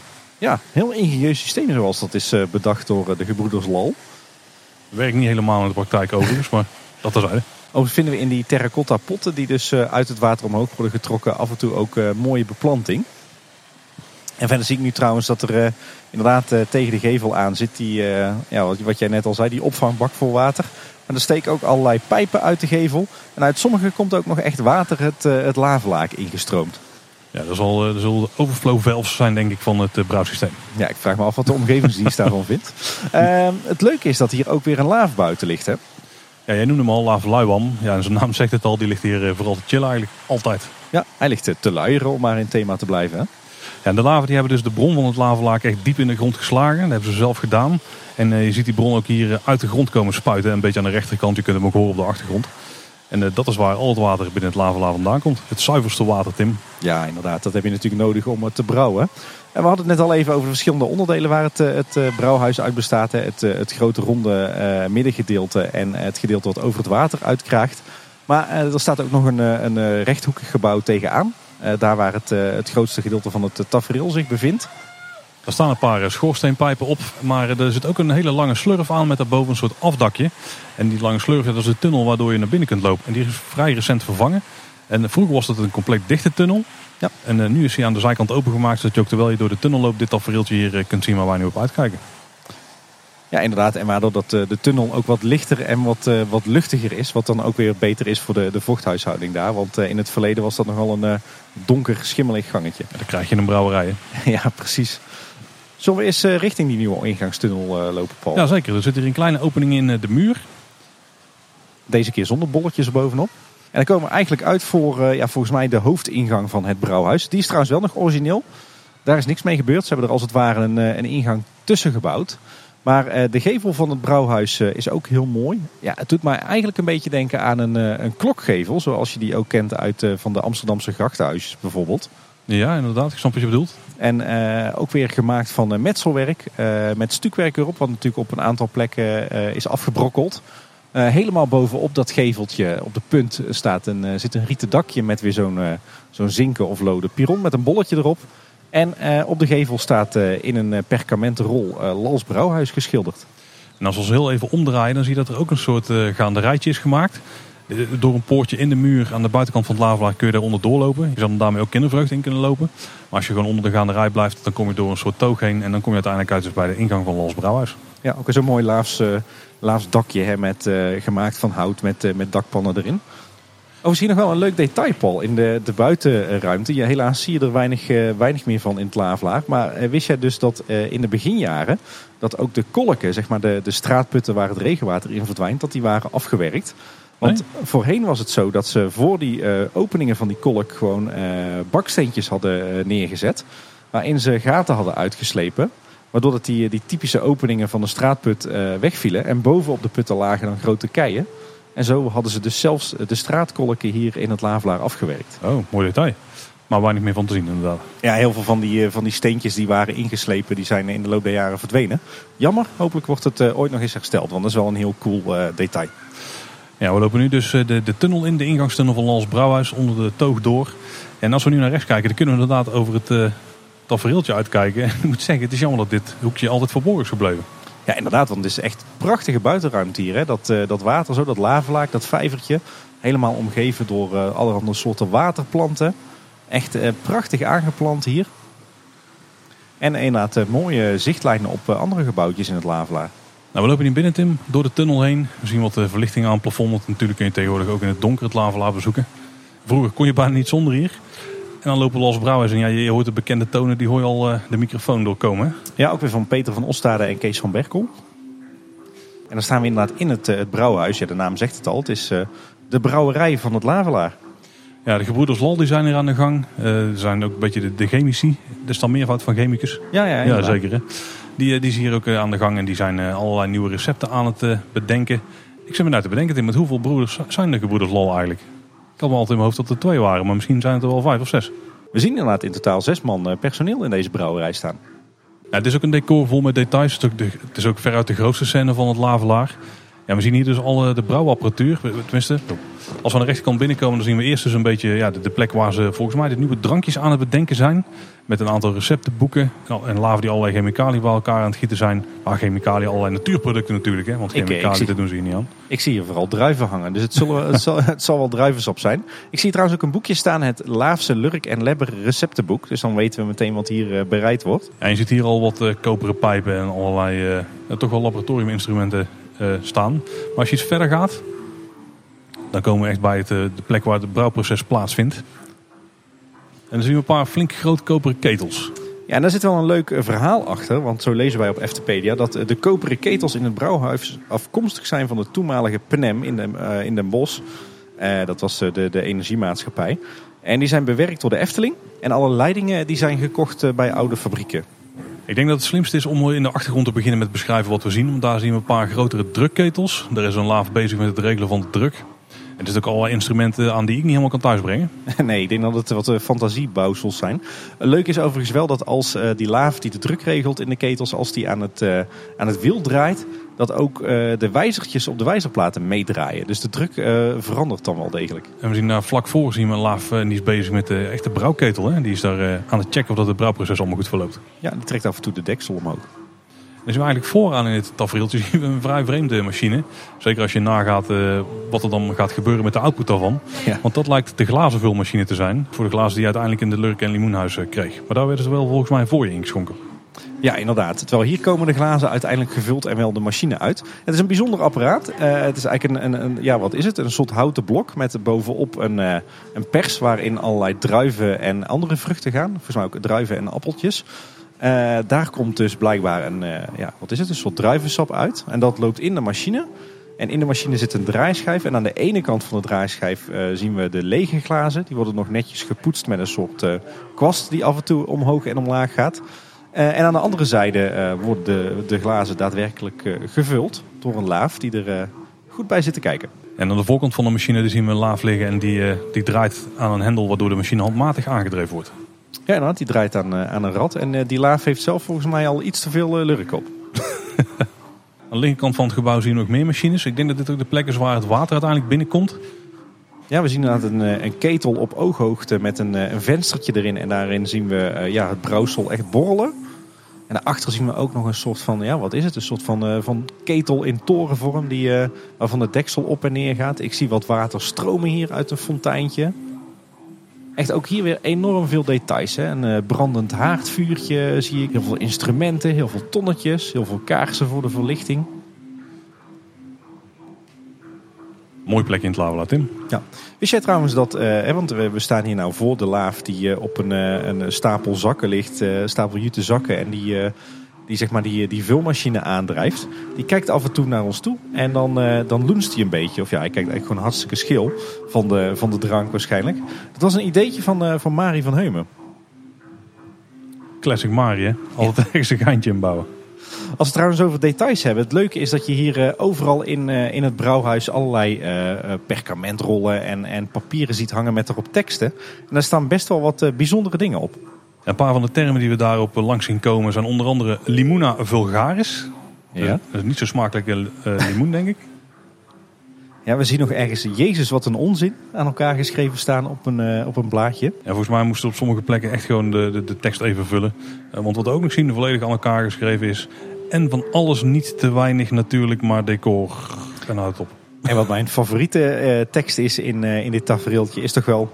Lieve lezer, doe geen moeite om deze, puntje, puntje, puntje. Want dan kunnen we een stukje niet lezen. En dan eindigt hij met, want ook dit is onzin. Kijk. Veel, veel zelfkennis bij de decorateurs hier. Ja, en ik zie ook hier weer overal glazen, glazen flessen en, en kruiken met daarin brouwsels. Uh, er liggen her en der wat, wat glaasjes voor de vulmachine uh, zijn er neergelegd. Um, wat ook leuk is, is dat de pijpen die hier aan het plafond hangen tussen de verschillende ketels, een aantal daarvan die bewegen ook daadwerkelijk. En de verbindingen zijn ook wel redelijk uh, ongebruikelijke manier gemaakt. Hè? Ja, ze hebben er wel jute omheen gewikkeld en met mijn touwen alles aan elkaar geknoopt. blijkbaar werkt het best goed. Echt op zijn laafs. Ja.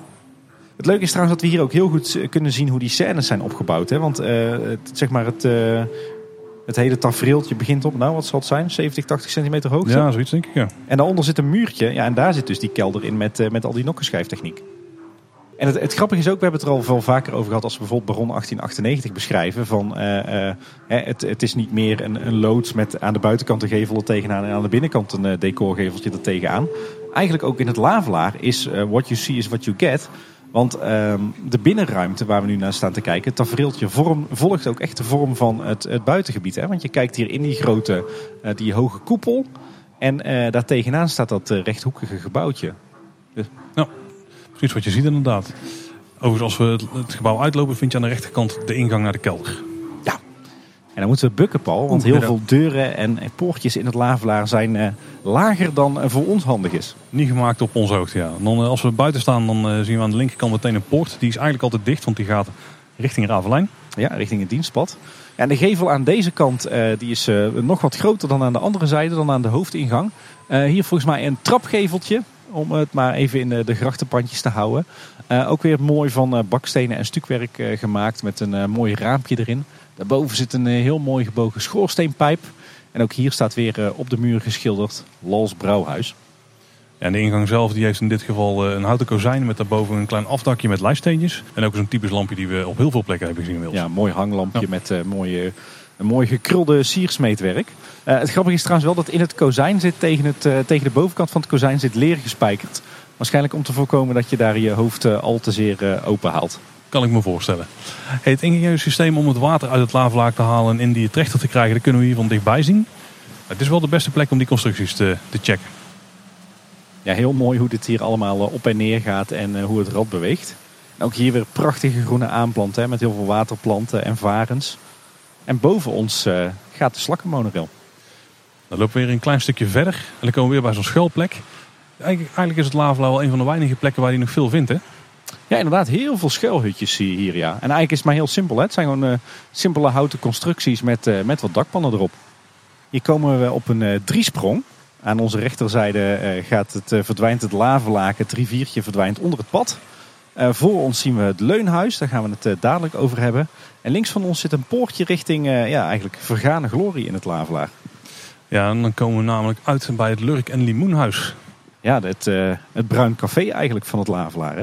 Ja, s'avonds gaan blijkbaar de deuren weer open. Hè, zodra de bezoekers naar buiten gaan. En dan gaan de laven hier zich volgieten met lurk en limoen. En het is best wel een interessant gebouwtje. Het is rond. Als je van bovenaf kijkt, dan is er een klein stukje plat dak. En in het midden zien we nog een, ja, een bol van, met rieten bekleding. En daarop weer van die typische laafse pironnetjes en puntjes. Ja, inderdaad. En rond het, het huisje, wat trouwens helemaal van stukwerk is gemaakt. Met doorpiepende baksteentjes. Daar vinden we ook, ook een heel aantal ja, eigenlijk ronde torentjes die, tegen het gebouw, die aan het gebouw vastzitten.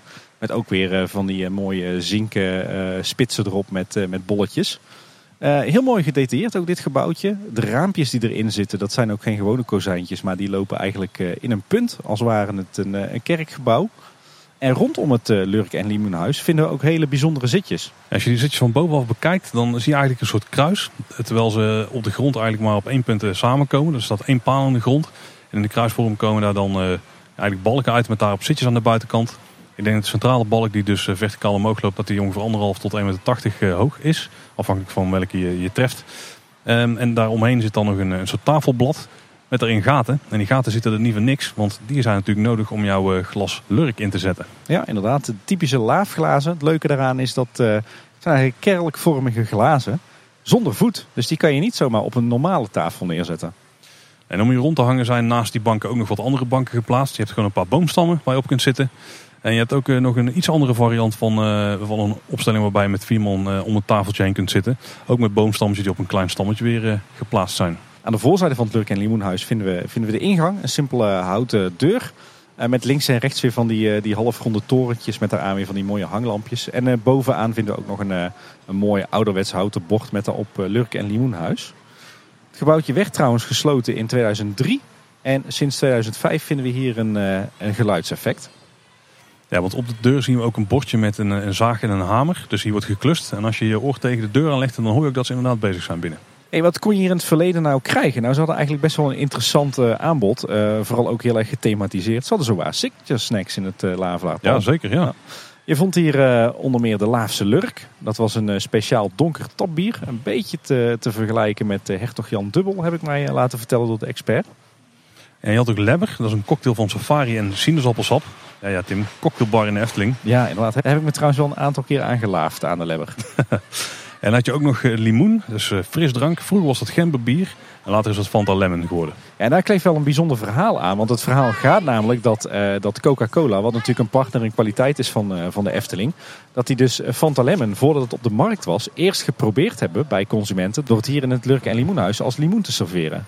Een prima try-out plek, denk ik. Ja, nog steeds een van mijn favoriete non-alcoholische drankjes, de Fanta Lemon. Overigens kon je er ook uh, leut krijgen. Ik denk dat je wel kan raden wat dat is. Een Beck's koffie. Uiteraard. Maar je had ook een signature snack in de vorm van de larikoek. En dat is een spijskoek. En het bijzondere daarvan was dat hij de vorm van een druppel had. Ja, ik vond hem zelf altijd lijken op een, een, een oude taaie jodenkoek. Ik weet niet of dat er per se goed smaakt. Klinkt niet per se goed. het, was een, ja, het was een redelijk taaie, taaie koek. Beetje tai-tai-achtig bijna. En je kon er verder nog chocolademelk, thee en appelsap krijgen. Ja, ik denk dat wel algemeen bekend is dat de sluiting van het Lurk en Limoenhuis redelijk discutabel is. Of althans het, het gebouwtje en dan met name het café erin. Dat wordt nog steeds enorm gemist door, door de Efteling-liefhebbers. Al kan je natuurlijk afvragen in hoeverre dat, dat zo'n gebouwtje rendabel is. Want het zit wel echt, ligt wel echt weggestopt achter in het, het Lavelaar. Ja, het heeft niet genoeg aantrekkingskracht van zichzelf om daar veel mensen heen te trekken. Dus dat is jammer inderdaad. Hey Paul, dan draaien we ons om en dan zien we, we liepen er net al, al langs, dan zien we het Leunhuis.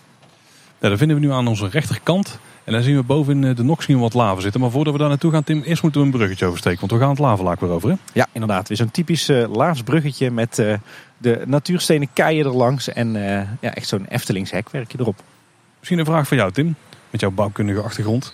Als ik die bruggetjes overloop bij de Efteling met een enigszins steile helling, dan valt me altijd op dat die stenen niet allemaal strak naast elkaar liggen. Dus ze vormen geen glad oppervlak.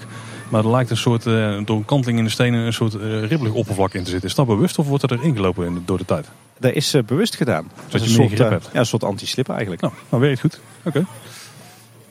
Nou, we hebben hier een kleine splitsing, maar we, gaan aan de rechterkant gaan we die splitsing langs doen. Want daar vinden we een heel belangrijk object in het Lavelaar. Een stukje interactiviteit zoals we die ook wel vinden in het Sprookjesbos. Ja, inderdaad. Uh, want wat kunnen we doen? We kunnen hier uh, de lamp die helemaal in de nok van het leunhuis hangt, die kunnen we testen. Door uh, een, een ouderwetse hendel die volgens mij vroeger in een transformatorruimte zat. Door die omhoog te, te zetten. We gaan het eens proberen en dan gaan we kijken wat er gebeurt. dan eh, schiet de lamp aan. En eh, een van de gebroeders elektriek die heeft eh, de lamp vast. En blijkbaar klopt er toch iets niet helemaal met, eh, met de installatie. Want eh, hij wordt geëlectrocuteerd. Hij eh, schiet overeind en eh, zijn muts gaat omhoog. En daarnaast zitten nog twee lummels. Eentje met een knikkend beentje en die kijken rond. En eentje daarvan heeft ook zo'nzelfde schakelaar vast, Tim. Zou die ook nog iets ermee te maken hebben dat het niet helemaal lekker loopt daarboven? Ik denk dat hij wel de lolbroek aan het uithangen is, ja. Overigens is het Leunhuis verder een vrij simpel gebouwtje. Het is een van de gebouwtjes waar eh, de lavenmonorail doorheen gaat. Net hadden we ook al het, eh, het Lonkhuis. Maar hij gaat dus ook door het Leunhuis heen. Ehm, de onderbouw is eigenlijk een, een, ja, een simpel vierkant van, eh, van metselwerk en stukwerk. En de opbouw daarop die is van, eh, van hout met eh, ja, eigenlijk een, eh, een enorme rieten kap. En onder die rieten kap ga jij dus door met, jou, met jouw slak. En in die rieten kap vinden we ook nog, ja wat is het, een soort vogelnestje of zo. Ja, dat is het nest van de liervogel. En de liervogel is eigenlijk een beetje wat de ooievaar voor de mensen is. Hè. Die brengt de larfjes naar het kraamhuis toe. En de liervogel die, die kun je hier misschien wel spotten in de lucht, is mij verteld. Ik, het is mij nog nooit gelukt. Heb jij hem wel eens gezien? Ik heb hem ook nog nooit Nee. eh, gezien. Misschien eh, een grote mythe, maar die zou hier dus moeten verblijven. Kun je meer over horen in de laafloop. Kijk, en eh, ja, ook dit gebouwtje blinkt weer uit in zijn organische vormgeving. En tegelijkertijd is het opgebouwd met authentieke materialen en bouwtechnieken. Dus heel knap gedaan door Tom van der Ven en Jan Verhoeven. Het grappige is, er zit hier ook nog, ja, volgens mij is het een technische ruimte of een groepenkast in het gebouwtje. Maar in plaats van dat ze heel erg hun best hebben gedaan om dat weg te werken, eh, is het eigenlijk gewoon een stukje uit de muur wat uitsteekt. En waar, weer ze, ook, waar ze ook weer zo'n eh, zo'n eh, afdakje op gemaakt hebben van leidjes. En daardoor hoort het er helemaal bij. En Tim, dan gaan we nou naar de plek waar het een beetje allemaal is begonnen hier in het Lavelaar. We lopen een klein stukje verder en dan slaan we rechtsaf een gebouwtje in.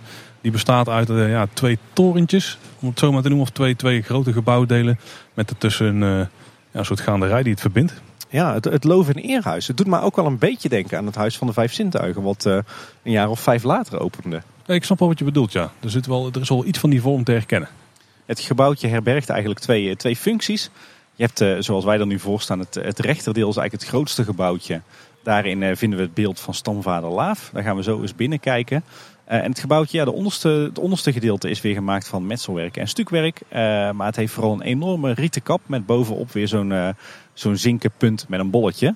En het linkergedeelte waar we het gat der laven vinden, dat is als het ware het rechter gebouwdeel, maar dan eh, gehalveerd. Hè? Zullen we naar binnen gaan, Tim? Ja. We gaan dus eerst het rechterdeel in. Ja, en als we dan naar dat gedeelte gaan, naar Stamvader Laaf, dan kruisen we eigenlijk ook hier weer het Lavelaak. Je ziet wel het riviertje, vind je overal in het Lavelaar. En ja, hier zijn het eigenlijk gewoon eh, platte bruggetjes. Hè?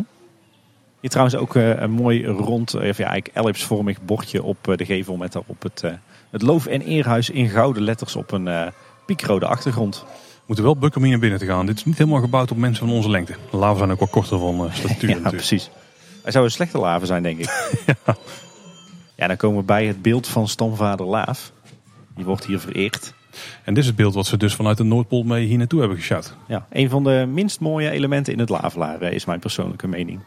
Ja, het is, je ziet een deel van de mechaniekjes zitten, denk ik. Ik denk dat dat jou heel erg tegenstaat. Ja, het is ook een klein beetje eh, polyester fantastic, toch?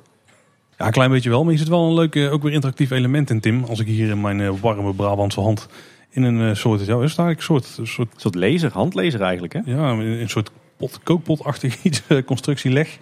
Dan eh, komen er vlammetjes omhoog als mijn hand in ieder geval Brabant warm genoeg is. En dan eh, gaat het beeld, ondanks dat het een beeld is, met zijn voet op en neer, omdat hij nou een lekker warme voet heeft. Precies, jij verwarmt eigenlijk gewoon Stamvader Laaf. Indirect wel, ja. Leuk is ook dat eh, het beeld van Stamvader Laaf, dat zit op, ja, waar zit hij eigenlijk op? Op een soort, soort pilaar of zo? het is wel redelijk bijzonder inderdaad. Ja, ik weet het ook niet. En om het beeld heen, wat ook een beetje expressionistisch is eh, als je het zo ziet. Hè? Dat is een beetje de, de, een abstracte weergave van, eh, van Stamvader Laaf. Zijn, eh, hij heeft niet echt meer onderarmen en handen, maar dat zijn dan weer van die typisch Laafse krullen. Maar om hem heen zit ook een ja, soort krans van verlichting.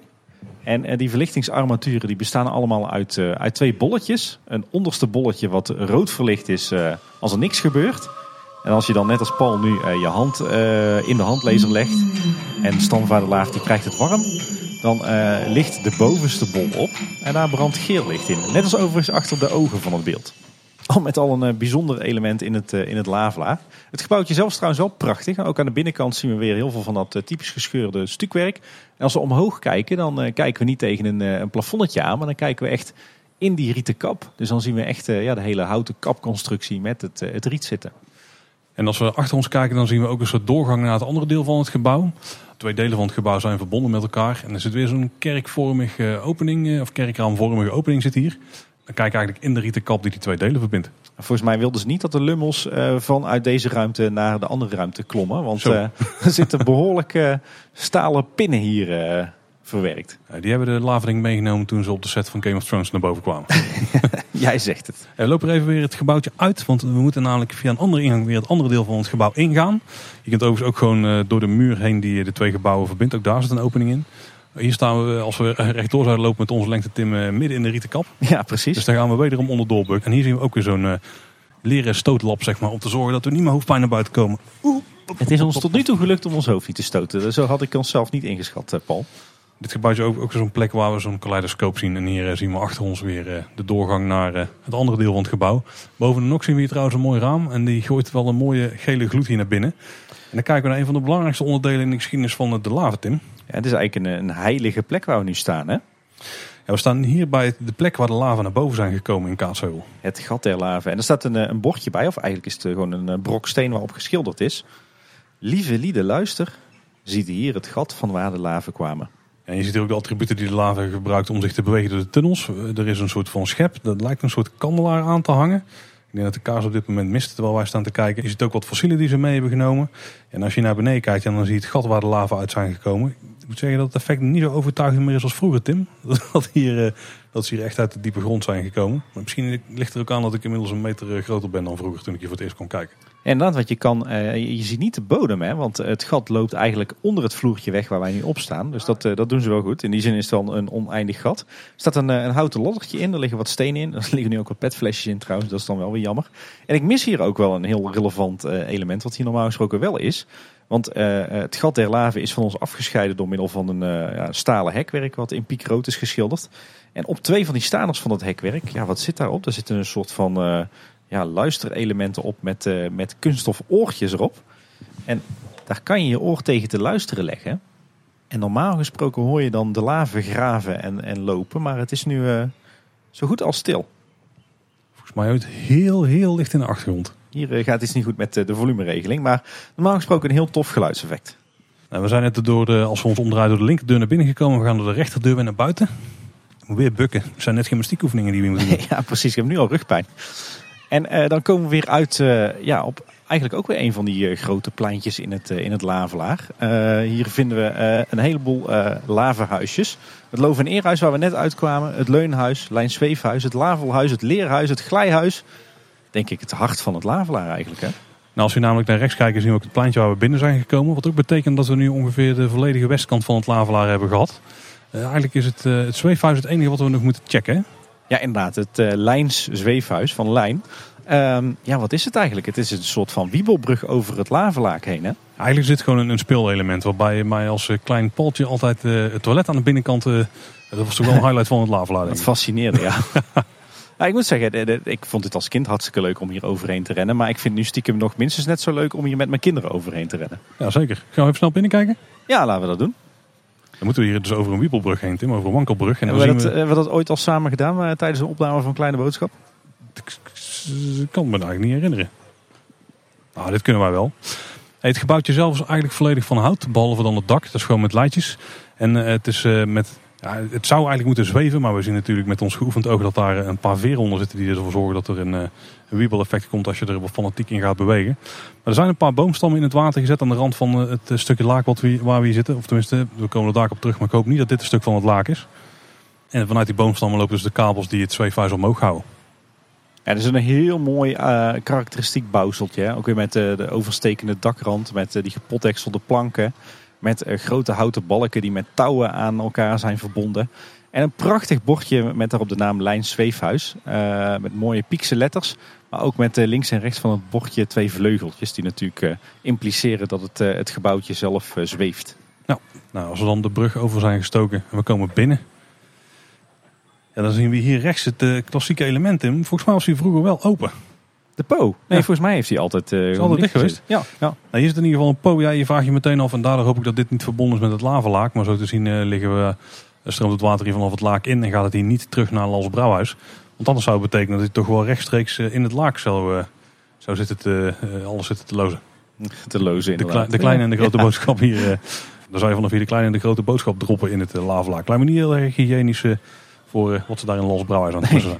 Oh, zoals eh, twee jaar geleden het, eh, het huisje een tijd dicht. Toen bleek de hele vloer eh, rot te zijn. Wat natuurlijk geen verrassing is eh, zo boven het water. Maar inmiddels ligt er een, een prachtig karakteristiek houten vloertje weer terug in. We kunnen op twee plekken ook door een venster naar buiten kijken. Ook best mooi doorkijken is in het lavalaar. Maar ook aan het plafond zie ik hier een best bijzondere lamp hangen. Ja, inderdaad. Het is bijna een lamp die je bij de Action zou kopen. Of bij de, bij de Ikea, maar dan wel de lijn een beetje de jaren 50 of zo. Ja, nee, het is inderdaad, het is een, ja, wat is het? Een soort eh, bol, maar dan gemaakt van eh siersmeetijzer met, eh, met heel veel krulletjes erin. Ja, nou, dat- niet, niet per se typisch Efteling, maar ik denk dat het hier op zo'n unieke plek als Lijns uh, Zweefhuis dat het daar wel past.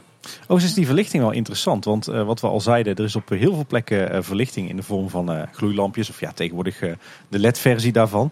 Die hangt aan, eh, aan de laafmuur, aan de gebouwtjes. We hebben natuurlijk ook de, de verlichting in de huisjes. Maar de, de decorverlichting, dus zeg maar de gekleurde verlichting van het dorp zelf, eh, die is nog steeds niet permanent. Hè? Die wordt nog steeds iedere zomer en iedere winter tijdelijk neergezet door eh, Flashlight. Dat klopt, ja. Afhankelijk van het moment dat je hier door het lavalaar loopt, dan zie je op heel veel plekken die lampen opgesteld staan. Beetje, beetje jammer. Ik hoop dat daar toch op niet al te lange termijn een vaste verlichting voor terugkomt. We zijn net Lijn Zweefhuis uitgelopen, weer door zo'n, over zo'n wankelbrug. We worden daar best geoefend in, Tim. En als we dan terugkijken, zien we eigenlijk hetzelfde aanblik als wat we aan de andere kant zagen. Een vrij symmetrisch gebouw wat dat betreft. Ja. En er zit ook trouwens een, eh, ja, wat is het, een landingsplek voor een of andere vogel in. Ja, ik dacht eerst eenden. Het is, het is wel zo'n zo'n hokje wat je ziet, of zo'n opening wat je ziet voor eenden boven water. Alleen deze zit dan wel een meter of drie eh, in de hoogte. Dus ik denk niet dat het per se voor eenden is bedoeld. Van me trouwens ook op, de, de monorail van het Lavelaar, die eh, kronkelt hier natuurlijk ook overal doorheen. De kolommen die zijn eh, in bijna alle gevallen eh, mooi weggewerkt, doordat ze met, eh, begroeid zijn met klimplanten. Ja, behalve de ene die we hier dan zien naast Lijn Zweefhuis. Ja, inderdaad. Daar groeien natuurlijk geen planten in het water. Dus daarom zien we hier de, de originele groene kolom. Waarschijnlijk dat hij daarom ook zo opviel. We zijn nu eigenlijk weer uitgekomen bij het Lurk en Limoenhuis. Als je trouwens goed luistert, dan heeft er niet eens heel erg je best voor te doen. Maar dan hoor je de Europalaan. Daar staan we ook hemelsbreed een meter of twintig maar vandaan. En je ziet hem ook hè, aan de andere kant van de, de grote laafmuur. Als er een vrachtwagen langskomt, dan kun je hem inderdaad zien. We zien hier ook een paar van die borden waar wij het wel vaker over hebben gehad. Ja, die de wisselstrook. De wisselstrookborden, ja. ja. Hey, laten we dat eh, vooral proberen te negeren. En laten we vooral weer het, eh, het, eh, het Lavelaar zelf inlopen. En het eerste laafhuisje wat we dan tegenkomen is eh, het Lavelhuis. Hey, Tim, ik moet toch weer opmerken dat we ook hier weer van dat IJslands eh, hout zien. Ja? We zien een IJslandse boomwortel links van ons. Oh ja, ja, en die ligt eh, ook weer in een deel van het Lavelaak. Niet zomaar een deel. Maar dat is het deel van het Lavelaak waar, eh, waar je eh, met een beetje pech een nat pak kan halen. Het lijkt me een goed idee dat we dat niet gaan proberen vandaag met de apparatuur. En eh, vooral dat we aan elkaar geknoopt zijn met een lange kabel. Want dat is dan inderdaad de, de, stapstenen. Ik denk wel een van de meest, ja, misschien wel een van de meest bekende en gefotografeerde elementen van het lavelaar. Ja, het zijn er uh, 29 stuks. En als je goed kijkt, dan vormt het eigenlijk een, een laafmuts. Of zo'n ja, zo'n typisch laafs, laafs torentje. Zo'n spits met zo'n bolletje eraan. Oh ja, ja, ja, ja. Als we dan even naar het, het Lavelhuis kijken. Dat is ook weer een van de, de huisjes waar de, de dwars doorheen gaat. Bestaat eigenlijk uit uh, twee ronde torens met bovenop een, uh, een rieten dakje. En tussen die torens in uh, is eigenlijk een soort van, ja wat is het? Een soort van bol van riet geklemd. Om het omschrijven, ja. Aan de onderkant wordt hij ondersteund door een toog. Zodat hij niet naar beneden zakt. En als je met de monorail erheen gaat, dan kom je eigenlijk bij de enige scène die je alleen maar vanuit de monorail kunt zien. Ja, inderdaad. Dat is het, het huis van Laaf Lorreloet. En Laaf Lorreloet is een beetje een, een verzamelaar, hè? Ja, die verzamelt alle spullen van de, de aardse mensen. Ja, inderdaad. Een beetje een, een hoorder, zoals we dat dan ja. tegenwoordig noemen. De Buckham. Ja. En ja, verder is het eigenlijk een redelijk simpele scène waar je doorheen gaat met je, met je slak. Uh, het volgt een beetje die bolvorm. Het is helemaal van stukwerk gemaakt. En uh, links en rechts heb je ja, eigenlijk twee scènetjes waar je uh, de, de rommel ziet liggen die Lorreloet heeft, heeft verzameld. En aan je linkerkant staat dan daadwerkelijk de animatronic van Laaf Lorreloet. Ja. En om de route te vervolgen gaan we onder dit gebouw door. Onder die toog van, uh, van de natuurstenen. En aan onze linkerkant het, het lavelaak met de stapstenen. Ja, daar kun je ook het lavelaak dus in. Dus de, de stapstenen op. Daarin lijkt me niet zo heel verstandig. Als we dan nog verder naar links kijken, dan zien we daar in de verte een, een grote poort. Daar hebben we het over, overigens nog niet eens over gehad. Maar je ziet op heel veel plekken zie je die donkerbruine poorten hè, met, met de hout. Ja. Lopen een beetje zo uh, met een bocht naar binnen. Is ook wel een typisch Laafse poortvorm. Ik denk dat je, dat je heel makkelijk eigenlijk een soort laaf stelboek zou kunnen maken. Met alle typische laafse elementen. Hè? Met, met, met inderdaad die, die laafmuur, met die poorten, met die togen, met uh, de spitsen, met de lampjes. Het zijn heel veel uh, elementen die terugkeren en die stilistisch allemaal heel goed uh, in elkaar zitten. Als je trouwens aan de andere kant van het lavelaker kijkt, dus, aan de andere, dus waar je met de stapsteen op uit zou komen, is ook een stukje wat begaanbaar is voor, uh, voor gasten. Er staat ook een mooi bankje, wat prullenbakjes, mooi in het groen aangeplant. Je zit dan met je rug tegen de, uh, de muur aan die uh, de Efteling van de Europalaan scheidt. Dat is ook het pad wat veel gebruikt wordt door kantoorpersoneel om van Ravelijn naar de oudere kantoren te gaan die nog op het dienstencentrum liggen. Het is eigenlijk een, een openbaar stukje van het, de, de dienstweg. Ja, eigenlijk wel, ja. Wij gaan natuurlijk hier niet het Lavelaar uit. Wij vervolgen eigenlijk de route naar rechts. Dan komen we een klein pleintje op. Ja, hier ook weer wat, wat leuke elementjes. We zien hier een, een oude molensteen die, die wordt gebruikt als tafeltje. Die is opgemetseld met, met ijzelsteentjes. En we zien hier ook een, een flink plantsoen. En daar zit ook nog wel een leuk element in. Ja, er zitten wat eigenlijk gewoon rioolbuizen in verwerkt. Ouderwetse ja. rioolbuizen. Ouderwetse gresbuizen, zoals die dan zo mooi heten. We slingeren de vaktermen hier weer om de oren. En het dadelijk, ja, dan kun je erheen roepen hè, door te zorgen dat iemand aan de andere kant staat. En dan kun je met elkaar communiceren over afstand. Moet je wel je kinderen uitleggen dat ze wel de pijp moeten pakken die echt recht tegenover ligt. Trouwens, Tim, nummer 5 tel ik hier ook. Weer IJslandse boomwortel uh, staat hier opgesteld. Sterker ja. nog, nummer 6 zien we ook meteen. Ja, precies, want die ligt boven op de heuvel waar die, uh, die loerpijpen in zitten. Hè? Ja. En dan vinden we links een van, nou, ik denk misschien wel de bekendste gebouwtjes uit het Lavelaar. Namelijk het Leerhuis. Ja, het, uh, het schooltje van uh, meester Lavi, waar de lummels, zeg maar de, de Laafse pubers, les krijgen. Ja, meester Lavi is ook de laaf die wij veruit het meest hebben horen praten. Dat is namelijk ook de tourgids tijdens de laafloop. Kijk, dat is leuk om te weten. Zeg, het leerhuis is eigenlijk een, een, vrij klein en simpel gebouwtje. Het is rechthoekig. De achterzijde is het, uh, het minst populair. Dat is eigenlijk gewoon een, uh, ja, een blinde wand van stukwerk. maar de, de, voorzijde is wel uh, bijzonder fraai. Nou, volgens mij is het ook een van onze favoriete gebouwtjes. Op zijn minst een eervolle vermelding. Ja. Wat ik hier sowieso heel tof van vind, is dat het hele gebouw is verder glas. Behalve die ene blinde wand aan de achterkant. Dus ook dat vind je aan de voorkant. Met daartussen de deur die de school in gaat. Maar ook de school hier die ligt weer hoger. En wat wel grappig is, is dat die kelder waar we het al eerder over hebben gehad, waar al techniek in zit. Die zit hier eigenlijk alleen maar aan de binnenkant van het gebouw. Want als je het gebouw van de voorkant bekijkt, dan zou je het eigenlijk kunnen zien als een, een soort uitgezakte T. Dus in het midden heb je het stuk waar de kelder zit. Echte kelder die wat dieper de grond in gaat. En links en rechts uh, zweeft het gebouw eigenlijk boven de grond. Ik denk een centimeter of 60 tot 80. Afhankelijk van hoe goed het straatwerk daar is gelegd. En uh, daaronder zit nog wel wat ruimte om dus uh, de techniek naar de lava toe te brengen. Maar de, de, de nokkerschuiven die zich hier bevinden, die bevinden zich volgens mij in het dieper gelegen gedeelte. Ja, ja volgens mij ook. Uh, nog wat, verder wat vrije elementen in, in de voorgevel. Een hele mooie houten deur met, met ruitjes erin. het kozijn, dat is heel bijzonder. dat bestaat uit eigenlijk hele forse houten balken in pieksrood. Uh, boven de deur zit een, een raampje met daarop uh, geschilderd in mooie sierlijke witte letters het leerhuis. En daarboven vinden we een, een dier. Ja, daar vinden we een L. Dat is natuurlijk het dier van de wijsheid, toch? Ja, inderdaad. Een, een heel mooi beeldje eigenlijk, besef ik me nu pas. Eigenlijk wel. Lijkt ook wel een beetje op Oeh Houdoe. Ja. Ja, wel een iets, iets gestileerdere versie. Een iets plompere versie ook weer. Past wel goed bij de lava wat dat betreft. Ja. Ja, de uil heeft een, een heel mooi afdakje, ook weer in die, die typische laafse vorm met weer zo'n spits erop met een bolletje eraan van zink. En we vinden ook rechts van de uil ja, een soort van uh, hemelwateropvangsysteem van terracotta potjes met daaraan ook weer uh, ja, een zinken buis die, die uitgeeft op het, het, het, straatwerk. Ja, links vinden we eigenlijk gewoon een klassieke dakgoot, maar die aan de rechterkant is vrij uniek ja. en ook vrij inefficiënt heb ik zo'n vermoeden. Want ja. ik denk dat die ongeveer van heel de dakrand die daar zit, dat die nog geen 20% beslaat. Dus heel veel water wordt daar niet opgevangen, ben ik bang. Nee, je merkt ook dat de vochthuishouding van de gebouwtjes in het Lavelaar ook niet altijd uh, super is. Want ik heb uh, in de, de 30 jaar dat het, uh, het Lavelaar hier staat, heb ik al heel wat geveltjes uit elkaar zien liggen en opnieuw opgebouwd zien worden. Je kunt trouwens ook zien aan de bestrating onder de dakrand daar. Want aan ja. de rechterkant zie je eigenlijk gewoon bijna een strook die helemaal door water is weggetikt. Terwijl het aan de linkerkant alleen maar de plek is waar, waar de afval uitkomt. Ja, de voorgevel verder zien we boven de L zit nog een, een mooi schattig raampje. Ook in zo'n terracotta pot en een uh, schoorsteenpijpje. Maar we vergeten eigenlijk nog het, uh, het meest discutabele element van deze gevel, Paul. De bel van de prinsessenbuurt. Oeh, ja, discutabel omdat de buurt er niet per se heel erg blij mee was. ja. Ja, er hangt hier een, een bel aan de gevel en die wordt uh, om de zoveel seconden geluid door een van de lummels die binnen het touwtje in handen heeft. Het was echt zo'n kenmerkend Eftelings uh, geluidje wat je door de halve Efteling uh, hoorde. Maar uh, een paar jaar terug is dat, is dat aangepast. Hebben ze eigenlijk een, ja, wat is het, een lapje vilt of zo, een lapje leren aan de binnenkant van de bel gelijmd. Omdat er steeds maar klachten bleven komen over het geluid van die bel aan de, de overkant van de Europalaan. Nou, hij ging drie seconden geleden af. Ik denk niet dat je het hebt kunnen horen. Nee, het, uh, het doet iets, uh, iets te goed zijn werk. Zullen we even om het huisje heen lopen? Dan beginnen we denk ik links, want dan zien we meteen die laaf zitten die stiekem met zijn hand aan het touwtje zit. Een beetje zo verscholen achter zijn bureau.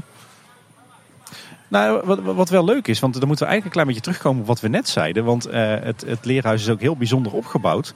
Want de lummels die zitten uh, links en rechts op, nou wat zal het zijn, op, op ooghoogte. Op een uh, houten plateau. Maar in het midden, waar dus waarschijnlijk die kelder onder zit, daar vinden we een gangpad wat, wat verdiept ligt. en vanuit dat gangpad torent eigenlijk een houten trap omhoog naar meester Lavi. En om dus van het ene plateau naar het andere plateau te komen als Lummel, hangt er eigenlijk een hangbrug over dat gangpad van meester Lavi heen. Ja, efficiënt bewegen door die klas heen is niet zo heel uh, makkelijk. Ik denk dat de Arbo hier ook niet per se uh, nee. een kunstig rapport over zou schrijven. Nee, precies. Ik, ik mis wel wat leuningwerk, ja. Als we dan links kijken, dan zien we daar meteen de laaf zitten achteraan in de rij. Die met zijn hand aan, een beetje verscholen achter zijn bureau trouwens, aan het touwtje zit wat aan de bel geknoopt is.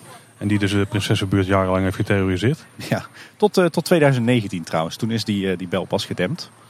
En eigenlijk geldt hier ook weer wat we overal in het Lavelaar zien. Echt bergen details. We zien ook hier weer een fossiel. We zien een soort ja, wekpot met allemaal, allerlei natuurobjecten die daarin liggen te weken. We ja, zien schelp, schelpen die uitgestald staan op een soort uh, ja, tafeltje gemaakt van een boomstam. Ja, wat verder wel, wel leuk is om te zien is dat, dat de vier lummels die hier in de klas zitten, die zitten allemaal op een, ja, wat is het, een houten stoeltje achter een eh, echt zo'n ouderwets lessenaar, zoals we die eh, ook nog wel kennen van een eeuw geleden.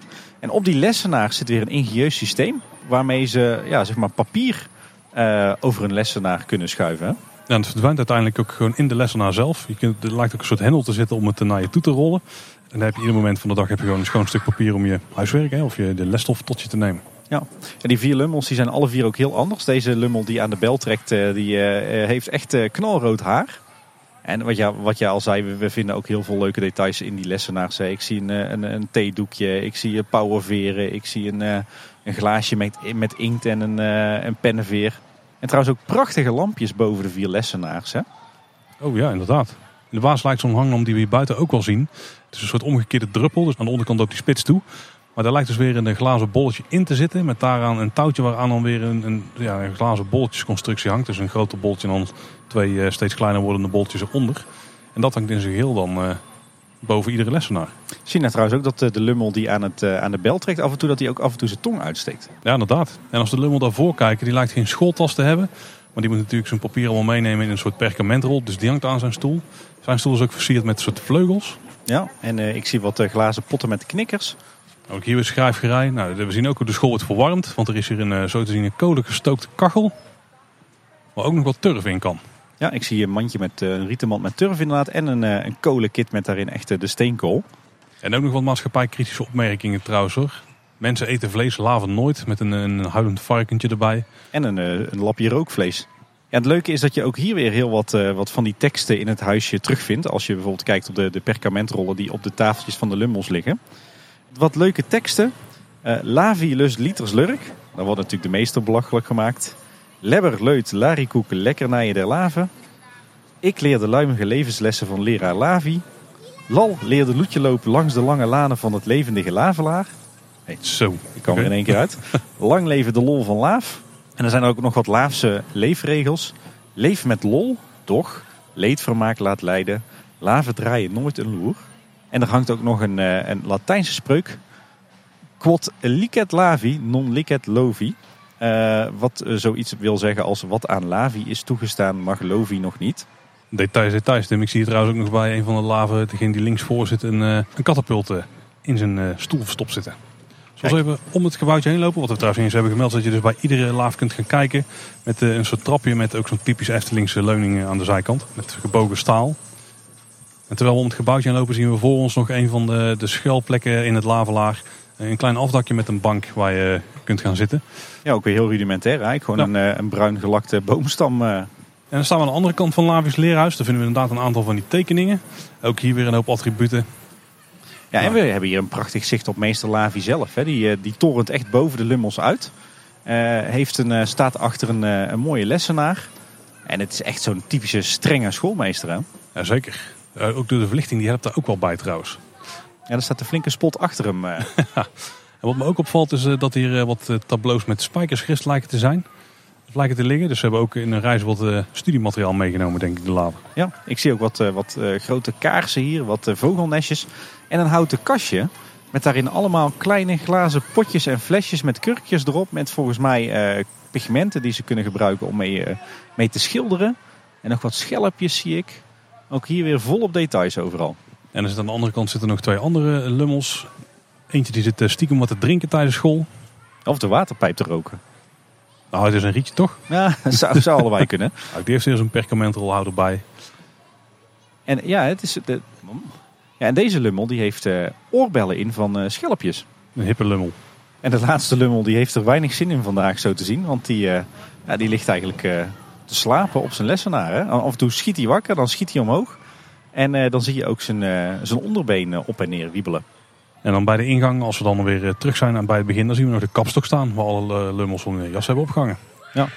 Heel tof decor ook weer, waar je echt enorm veel details in eh, kunt herkennen. En er zit ook heel veel beweging in. Overigens ook meester Lavi, die, ja, die waggelt, wiebelt eigenlijk een beetje op en neer hè, op zijn lessenaar. Er staat ook een mooi lampje op en een, ook weer een pennenveer. En er wordt zelfs aan projectietechniek gedaan in deze klas. Lijkt inderdaad een projectiescherm boven de klas te hangen. Een beetje prehistorisch bijna. Ik denk dat ze dan voor een kaarsje wat uh, silhouetten zetten of zo. Als we dan uh, wat verder lopen, dan zien we aan onze linkerhand zien we een heel laag deel in de, de muur van het lavelaar. En dat is wel leuk. wist je dat daar vroeger een gebouw achter stond? Ja, zo. Ja, dat weet ik wel. Heb ik weinig actieve herinneringen meer aan, Tim. zeg je dat? Ja, dat, zo zeg je dat natuurlijk tegenwoordig. Hè? Nee, want hier, het leuke is achter de laafmuren waar we hier nu staan, zeg maar de laafmuur naast het glijhuis, waar we dadelijk bij uitkomen. Daar was vroeger het kinderspoor te vinden, de traptreintjes. En direct achter de laafmuur uh, vond je vroeger het stationskoffiehuis. Een uh, toch behoorlijk fors horecapunt, wat hier vanaf 1964 stond. Daar kon je koffie, worstenbrood en allerhande versnaperingen halen. En dat was geopend tot begin jaren 90. heeft daarna nog heel lang hier gestaan, eigenlijk leeg gestaan. En werd uiteindelijk in het jaar 2000 gesloopt. En tegenover het stations koffiehuis, uh, daar in de hoek bij, bij het Larikoekenhuis, daar vonden we vroeger Baby Gijsje van 1969 tot 2000. Toen werd Baby Gijs tijdelijk even weggehaald voor een onderhoudsbeurt, maar die mislukte, waardoor ja, eigenlijk het beeldje onherstelbaar beschadigd raakte. En uiteindelijk duurde het tot 2007 voordat er een replica werd gemaakt. En die vinden we natuurlijk tot de dag van vandaag terug in Speeltuin Kindervreugd. Die hier aan de andere kant van het Lavelaar grenst. En nu staan we hier bij een van de weinige gebouwen waar, waarvan de naam niet begint met de L. En dat is het Glijhuis. Of het Glijhuis. Ja, heel goed geprobeerd, Paul. Ja, dit is een van de grotere speelobjecten hier in het Lavelaar. Het dient alleen maar om eh, de kinderen hier te laten glijden. En wat daarbij wel interessant is, dat de glijbanen die we nu zien, die zijn maar kunststof. Maar de originele glijbanen die waren van hout. Ja, die waren echt gemaakt van, uh, van houten latjes inderdaad op een uh, stalen frame. Dat mag nu natuurlijk niet meer van de, de, de keuring. Overigens ook wel een heel mooi gebouwtje. Het is een vierkant gebouw, grotendeels opgetrokken uit, uit metselwerk en stukwerk. Bovenkant is, is een rietenkap. Uh, we zien er her en der wat, wat kijkvenstertjes en wat, wat raampjes in. Omgeven door, door donkerbruine houten kozijnen. en aan één zijde, de plek waar zeg maar de middelhoge glijbaan naar buiten komt, daar zit ook een soort van schoorsteen aan. Ja, met bovenop een schoorsteenveger. Dat is Lef, grote Lef in dit geval. Die daar met een touwladdertje heen lijkt geklommen te zijn en de schoorsteen aan het vegen is. Ja, ook weer een van die, die toevoegingen om meer uh, kinetics toe te voegen aan het lavelaar in uh, 1991. Overigens trouwens de grote glijbaan die is niet van kunststof, eh, wel de buitenrand daarvan. Uh, dat is de dichte glijbaan zeg maar, maar die is van metaal. En uh, ja, die heeft wel een vrij bijzondere, misschien een beetje aan de slakken gerelateerde uitstralingen. Ja, inderdaad. Het lijken inderdaad de, de segmenten van een, van een slak waar die glijbaan uit is opgebouwd. Een bijzonder object heb ik altijd gevonden in het lavelaar. Ja, ja, er wordt er in ieder geval door mijn dochters volop gespeeld altijd. Ja, absoluut. Die van ons zijn er ook vaak te vinden. Overigens de binnenkant van het, het glijhuis is, is ook weer redelijk rudimentair. Uh, helemaal van stukwerk en hout. En daar uh, vind je een enorm stelsel aan uh, stalen trappen waarmee je jezelf naar, naar de, de glijbanen kan begeven. We lopen nu aan de linkerkant om het gebouw heen. Hier hebben we eigenlijk een open doorgang naar het speelveldje daar met die handbewogen paardenmolen. En dan gaan we rechts weer door een toog heen. En dan uh, zien we aan de rechterkant dus weer wederom het glijhuis. Met daar nog een voorpleintje bij waar de grote glijbaan uitkomt. Uh, ook hier zien we dan de naam van het gebouw op staan. Mooi geschilderd in de stijl die we wel vaker zien in het Lavelaar. En ook weer van die, die balken die, die, die tussen stukwerk uitkomen. Een beetje zoals je ziet in de Zuid-Duitse gebieden. Ja, de vakwerk hè. Ja. En ook hier weer een mooi afdakje van hout met, bekleed met leidjes en een, mooi hanglampje. Ja, rondom de uitgang van de glijbaan kun je mooi zitten op een bankje. Ook een mooi rustig plekje om te zitten als de kinderen spelen. En ehm, dit is ook de plek waar wel eens de file begint. De slakkenfile. Ah, ik moest al even denken, Paul. Wat trouwens ook opvalt hier, want ook hier is het groen, eh, ziet er weer prachtig uit. Er staan heel veel hortensia's ook in het lavelaar. En eh, terwijl we hier eh, opnemen, staan die allemaal prachtig in bloei. Tim, we gaan het pleintje niet op, hadden we net beschreven. We gaan naar links. En dan Ja. zien we links van ons zien we het Larikoekhuis met een van de meest besproken elementen, denk ik, in de nieuwsafleveringen. Vooral het onderhoudsblokje. Ja. Dus we laten even het pad aan de rechterkant links liggen. Daar, daar zouden we in theorie straks doorheen willen, maar dat kan op dit moment niet. Maar dan komen we, ja, dan komen we uit bij, eh, wat mij betreft, een van de mooiste gebouwtjes in het lavelaar. Het Larikoekenhuis, de, de bakkerij van het, eh, het lavelaar. Ja, hier gebeurt vrij veel. Er is eh, entertainment aan de binnenkant. Er gebeurt van alles aan de buitenkant. En het gebouwtje zelf is ook opgetrokken eigenlijk uit verschillende elementen. Hè. Links hebben we bijna weer zo'n grachtenpandje, voor ingang, voorgevel, bovenkant ding. Dat was de vakterm. Nou ja, hier, dit is niet echt een, een geveltje van een grachtenpand. Het is eigenlijk gewoon een, een geveltje wat taps toeloopt aan de bovenkant. Eh, van, eh, van stukwerk met daarin een, eh, een doorgang naar ja, eigenlijk het, het, de plek waar je kan gaan kijken. Boven het uh, kozijn zit trouwens ook weer zo'n mooi raampje van flessenglas. Daarnaast vinden we ook weer zo'n mooi typisch hanglampje. En een, een uithangbordje met daarop eh Larikoekhuis geschilderd. En de beeltenis volgens mij van wat taarten en broodproducten. Ja, en als we dan een beetje de gevel naar rechts volgen, dan vinden we de oven. Die kun je daar vanaf de binnenkant ook zien. Maar Ja. vanaf hier aan de buitenkant zou die ook gestoken kunnen worden, zo te zien. Er ligt ook wat hout naast al klaar om, eh, om op te stoken. En dan zien we rechts een raam. En hier heb je weer zo'n mooi voorbeeld, Tim, van eh, hoe, de, hoe de, dit echte gebouwtjes zijn. Hè? Want dit raam kun je vanuit de binnenkant ook zien. Ja, inderdaad. Er staat een, eh, een, staan een paar kaarsen op de, op de toonbank. We zien wat, wat van die typische ouderwetse gordijntjes. Ja, en hier zie je inderdaad heel goed dat eigenlijk de gebouwtjes in Laaf niet, niet nep zijn. Dat het geen decortjes zijn, maar dat het gewoon echt bouwkundig kloppende gebouwen zijn. Ja, en dan gaan we naar boven kijken. En dan zien we dan eh, de, ja, hoe noemen we het noemen? De molen is het eigenlijk gewoon. Hè? De, de Ja. molentoren wou ik zeggen. Want het is al een los element aan het gebouw. Met daaraan eh, de windmolen die draait. En dan vinden we ook weer twee laven. Die niet helemaal op goede voet staan met elkaar. nee, inderdaad.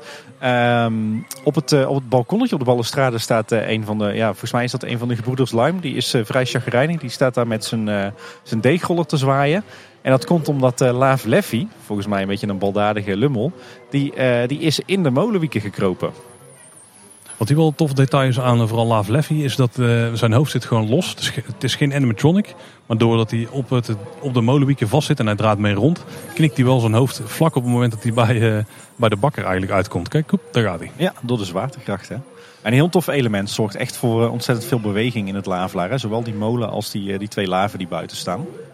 Uh, overigens ook weer een mooi raampje met dat, eh, met dat hele ouderwetse glas in, eh, in, eh, in de molen.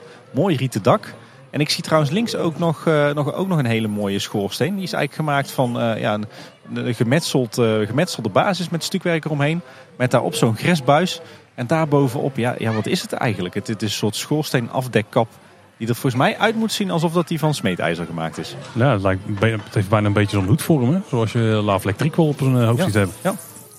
Dan eh, gaan we eens naar binnen in het uh, Larikoekhuis. Ik denk dat onze luisteraars trouwens de, de ja, toch wel typerende muziek van Peter van Ostade en eh, Kees van Berkel al gehoord hebben. Het kan bijna niet anders. En dan zijn we te gast in de bakkerij bij de Gebroeders Lime. Ja, ik vind de Gebroeders Lime op zich vind ik een van de betere sets animatronics in de Efteling. Ik vind Ja. de manier waarop hun hier het brood staan te kneden of het deeg staan te kneden. Dat is echt geniaal bedacht. Ja, nou, het zijn de, de drie broers op een, eh, op een rijtje. Eentje is, eh, heeft een, eh, ja, een zwarte baard en snor. Eentje is roodharig en eentje is, eh, is blond. Die linker doet mij trouwens wel heel erg aan een oud directeur van de Efteling denken. Nou inderdaad, die heeft wel wat weg van Paul Beck. Ja, ze zitten eigenlijk achter een houten tafel. Hè. Daar kneden ze hun broden. En, en achter die tafel met de drie gebroeders Lime... daar vinden we nog wat, eh, wat wandplanken met op wat broden en wat kaarsen en eh pollepels. En de taart die zo bij Hans en Grietje had kunnen staan. Je dus aan de rechterkant zie je ook een laaf die is bezig om, eh, om brood in de oven te schuiven. Ook een mooi effect trouwens, want als brood uit de oven komt dan eh, is het eh, gerezen. Maar zodra het dan een tijdje buiten is, dan zakt het weer in en dan schuift de laaf weer terug in de oven en dan zet het weer op. En dat is dus ook de oven die je aan de buitenkant ziet. Dus die elementen zijn gewoon met elkaar verbonden. En het raam zie je daar links van, wat we dus ook aan de buitenkant zagen. Ja, en voor ons vind je nog een vijfde laaf. Die staat, ja, wat staat hij eigenlijk te doen? Hij is volgens mij het, het meel nog een keer aan het stampen. En die staat ook bij een man brood. Maar eigenlijk vinden we vooral hier eh, in de rest van het gebouwtje alle lekkernijen die ze, die ze hebben geklust. Waarbij de meeste in het oog springen toch voor mij altijd wel een beetje die, eh, die soespoppetjes zijn. Of hoe het ook mag heten. Ja, die zijn mooi inderdaad. Ja, verder zien we heel veel, eh, ja, echt van die typische Eftelingse fantasietaarten. Heel veel gebakjes, koekjes, wafels, krakelingen, broden. Het, het ligt er vol mee. Ook een soort turbo pretzels. Wat ook een leuk detail is dat, dat de houten vloer hier in het tafereeltje ook bezaaid ligt met, met meel. Volgens mij wel echt bewust aangebracht als decorelement. En eh, ook hier is het tafereeltje ligt hier wat hoger. Het ligt op ongeveer, ja, wat zal het zijn, 70, 80 centimeter hoog. Zodat die techniek eronder verborgen ligt. Ja. En verder vinden we in het gebouwtje zelf nog, dus niet in de scène, maar eigenlijk achter ons nu, eh, nog een oven. Een soort backup oven, hè, mocht de, de, rest niet meer werken. Ja, ja, en verder is het ook hier de, de opbouw weer, uh, what you see is what you get. Hè. De, de wanden zijn van, uh, van gestuukt metselwerk. En daar, daar begint de houten kapconstructie met het, het riet op, zoals we dat ook aan de buitenzijde zien.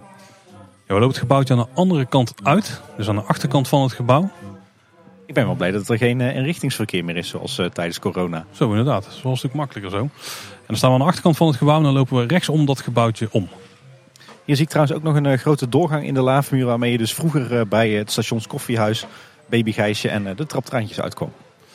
Nou, we komen dan op een T-splitsing met voor ons de monorailbaan en dan gaan we naar links weer een bruggetje over. En dan gaan we naar een huisje wat ook zeer populair is bij de kinderen. Vooral als we het huisje uitgaan. Dan hebben we het over het, uh, het lachhuis met uh, de grappentrap, zoals die dan zo mooi heet. En dit is ook wel een vrij bijzonder gebouwtje. De constructie daarvan die hebben ze ook al een keer moeten aanpassen een aantal jaar geleden. Om het uh, wat te verstevigen. Je hebt een soort hoofdgebouw, denk ik vierkant als we het van de bovenkant kijken. Ja. Met een, nog een vierkante uitbouw die er aan de voor ons nu rechterkant uitsteekt. En links een rond torentje. En bijna alles zweeft dus. alleen de toren wordt ondersteund. En aan de rechterkant wordt het ondersteund door een soort ja, gestukte paal. En verder wordt het ondersteund door vier houten balken. Uh, maar het, alles wat zich plaatsvindt in het gebouwtje vindt zich eigenlijk op hoogte plaats. Zo. Ja, het, is echt, het is echt een gebouwtje op palen. Hè? Ja, torentje is op zich ook nog wel mooi. Dat is bekleed met, uh, met leidjes en met, uh, met, met riet. Maar daarbovenop zien we toch wel een bijzonder element. Want daar vinden we niet de gebruikelijke typisch Laafse spits met een bolletje bovenop. Ja, wat is het? Het is eigenlijk een soort van opvangkom voor regenwater of zo. Zou het een ui zijn? Ik kan het vanaf hier niet eens precies goed zien. Maar het zou inderdaad een opvangkom kunnen zijn. Ja, ja. En dan gaan we via de rechterkant het gebouwtje in. Ik, ik weet niet of het echt zo is, maar dit voelt voor mij echt als de officiële ingang van dit gebouwtje. Ja, voor mij ook inderdaad. Echt weer zo'n uh, ja, zo'n hele simpele houten trap eigenlijk. Hè, bestaande uit één grote houten balk waar de traders op zijn geschroefd. En trouwens, iets wat we ook echt niet mogen vergeten is dat we nu bij de, het, eigenlijk het eindpunt zijn van het lavelaak. Ja, inderdaad. Het, uh, het lachhuis staat trouwens aan één kant ook uh, met zijn met zijn voetjes in het water met die houten palen. En is eigenlijk nog een, een laatste vijvertje wat, eh, wat hier rechts van ons, eh, als je maar richting de grote zweefmolen kijkt, verdwijnt hier in, eh, in een rioolbuis. En vanuit daar wordt het waarschijnlijk weer, weer opgepompt om er bij Lals Brouwhuis uit te komen. En als we hier omhoog gaan, dan lopen we dus ook boven het lavelaak. Dan zien we door de traptreders heen beneden ons. En dan lopen we omhoog. En dan zit er voor ons nu links een, een entreetje. Weer heel laag, Tim. Dus ja, ja dat moeten uitkijken. Hier trouwens mooi uitzicht over de voormalige locatie van het kinderspoor. Met een prachtige rode beuk in het midden. En nog een, nog een paardenmolen. En natuurlijk uitzicht op het nieuwe Anton Pieckplein met eh, de zweefmolens en de vlindermolen. Dat is stiekem een mooi uitkijkpunt. Ik moet hier vaker naar achter kijken. Nou, we lopen naar binnen met een kleine opstap. Ze hebben het ons hier echt niet makkelijk gemaakt. Ik eh, moet na vandaag naar de fysio, Paul. En dan komen we toch bij een van de plekken van het Lavelaar die ik altijd wel heb gezien als een plek waar ze nog wat uh, extra attractiewaarde kunnen toevoegen. Want eigenlijk gebeurt hier binnen niet zo heel veel, hè? Nee, inderdaad. Het is eigenlijk een best wel grote ruimte met uh, een, een, houten kap. Deze keer zien we niet, uh, niet het riet van de onderkant, maar zien we de, de, ja, zeg maar een houten balklaag en het dakbeschot. Uh, en verder geveltjes van stukwerk met een heleboel raampjes erin met, met van dat oude gelige glas. Je hebt er ook nog een, een open venster waarmee je op het leedhuis kijkt en een, een kaleidoscoop waarmee je weer die ja, iets wat psychedelische voorstelling krijgt als je erin kijkt. En hier trouwens ook weer een bijzonder verlichtingselement. Ja, inderdaad. Ook weer een soort metalen kooi waar in dit geval zeshoekig trouwens waar een lamp in hangt. En een vogelkooitje met een lampje erin. waarbij de onderkant open is. En daar gaan we van het meest befaamde element van dit huisje af, Tim. De trap naar beneden, de lachtrap. Gaan we even ons mond houden, want dan horen we de geluidseffecten.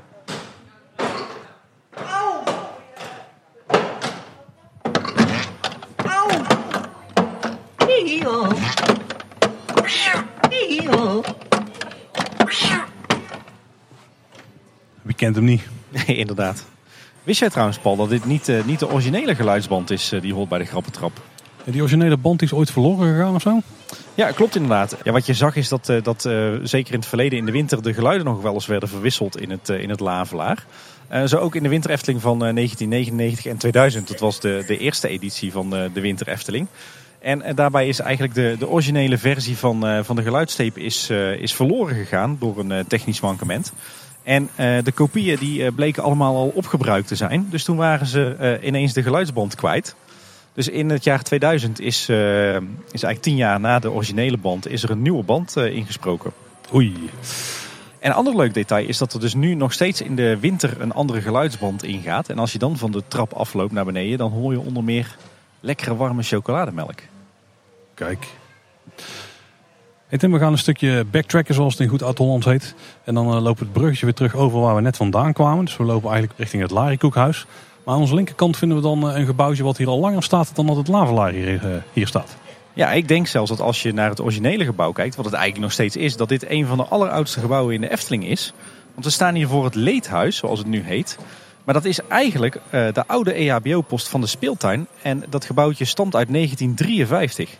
Dit was vroeger inderdaad de RBO-post. Die is inderdaad verhuisd. Die vinden we aan het eind van de dubbele laan tegenover de Zoete Inval. Maar dit is nu nog steeds wel een, een ruimte die je kunt gebruiken in bepaalde situaties. Want uh, de deur waar we nu bijvoorbeeld tegenaan kijken. Dus de deur met de twee raampjes links en rechts ervan. Met een mooie dakje erboven. En, uh, en een trapgeveltje.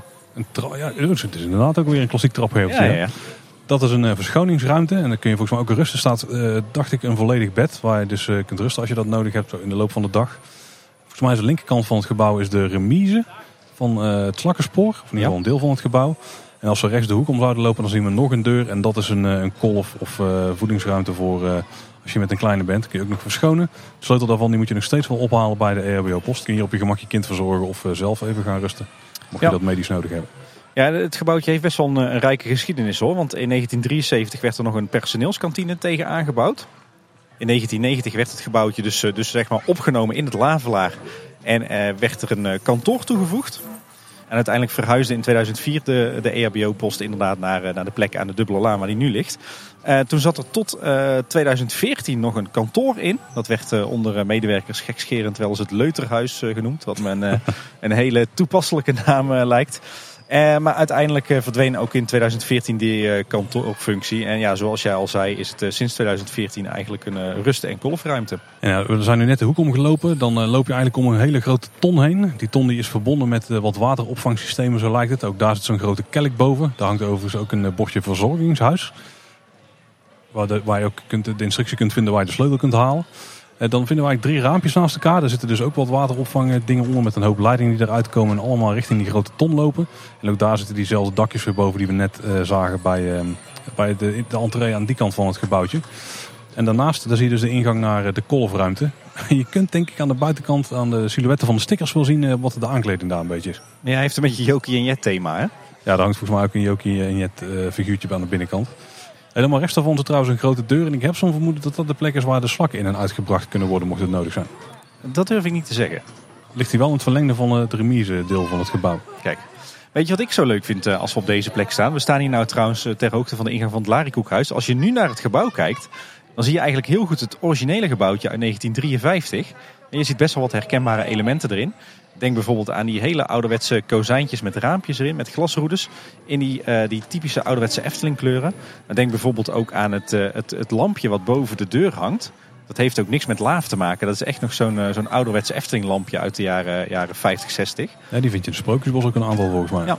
En als je door je oogharen heen kijkt, dan kun je precies zien wat het originele gebouw is en wat ze er later aan hebben toegevoegd. Ik denk dat ik wel snap wat je bedoelt, ja. Want je hebt inderdaad het deel van een gebouw waar allerlei vierkante kozijnen in zitten. Maar bijvoorbeeld het deel hier rechts nu daarvan, dat is dus die grote deuren. Daar zijn die grote deuren en die zijn dan weer rond. En ik heb zo'n vermoeden dat daartussen de scheiding zit. Precies. En je kunt zien dat ze in het, aan het oude gebouw gewoon dat ze daar een nieuw dak op hebben gelegd van riet. En dat ze wat, wat aankleding rond de ramen hebben aangebracht. En daarmee is het, was het oude huisje dan ineens een, laafhuis. En normaal gesproken zouden we langs dit huis naar het Loerhuis kunnen gaan. Sterker nog, ik heb slecht nieuws Tim. We kunnen voor deze audiotour het Loerhuis niet in. Want op dit moment dient hij als een soort extended queue voor de slakkenmonorail. Dus we moeten even op geheugen gaan beschrijven wat we daar binnen allemaal kunnen vinden.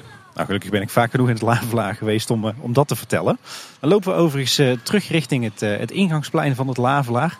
Gaan we onder een hele mooie poort door. Met aan beide zijden van de doorgang in de laafmuur ja, een enorme overkapping. Ja, en als we hier dan naar boven kijken, want dat hebben we toch bij bijna alle daken inmiddels wel gedaan. Dan kijken we gewoon tegen de onderkant van de dakpan aan. Hè? Geen riet hier of geen hout. Gewoon uh, een, een, houten constructie waar het dakpan op ligt. Ja. Het is alweer hieronder uh, zie ik trouwens in, uh, in die houten ondersteuningsconstructie.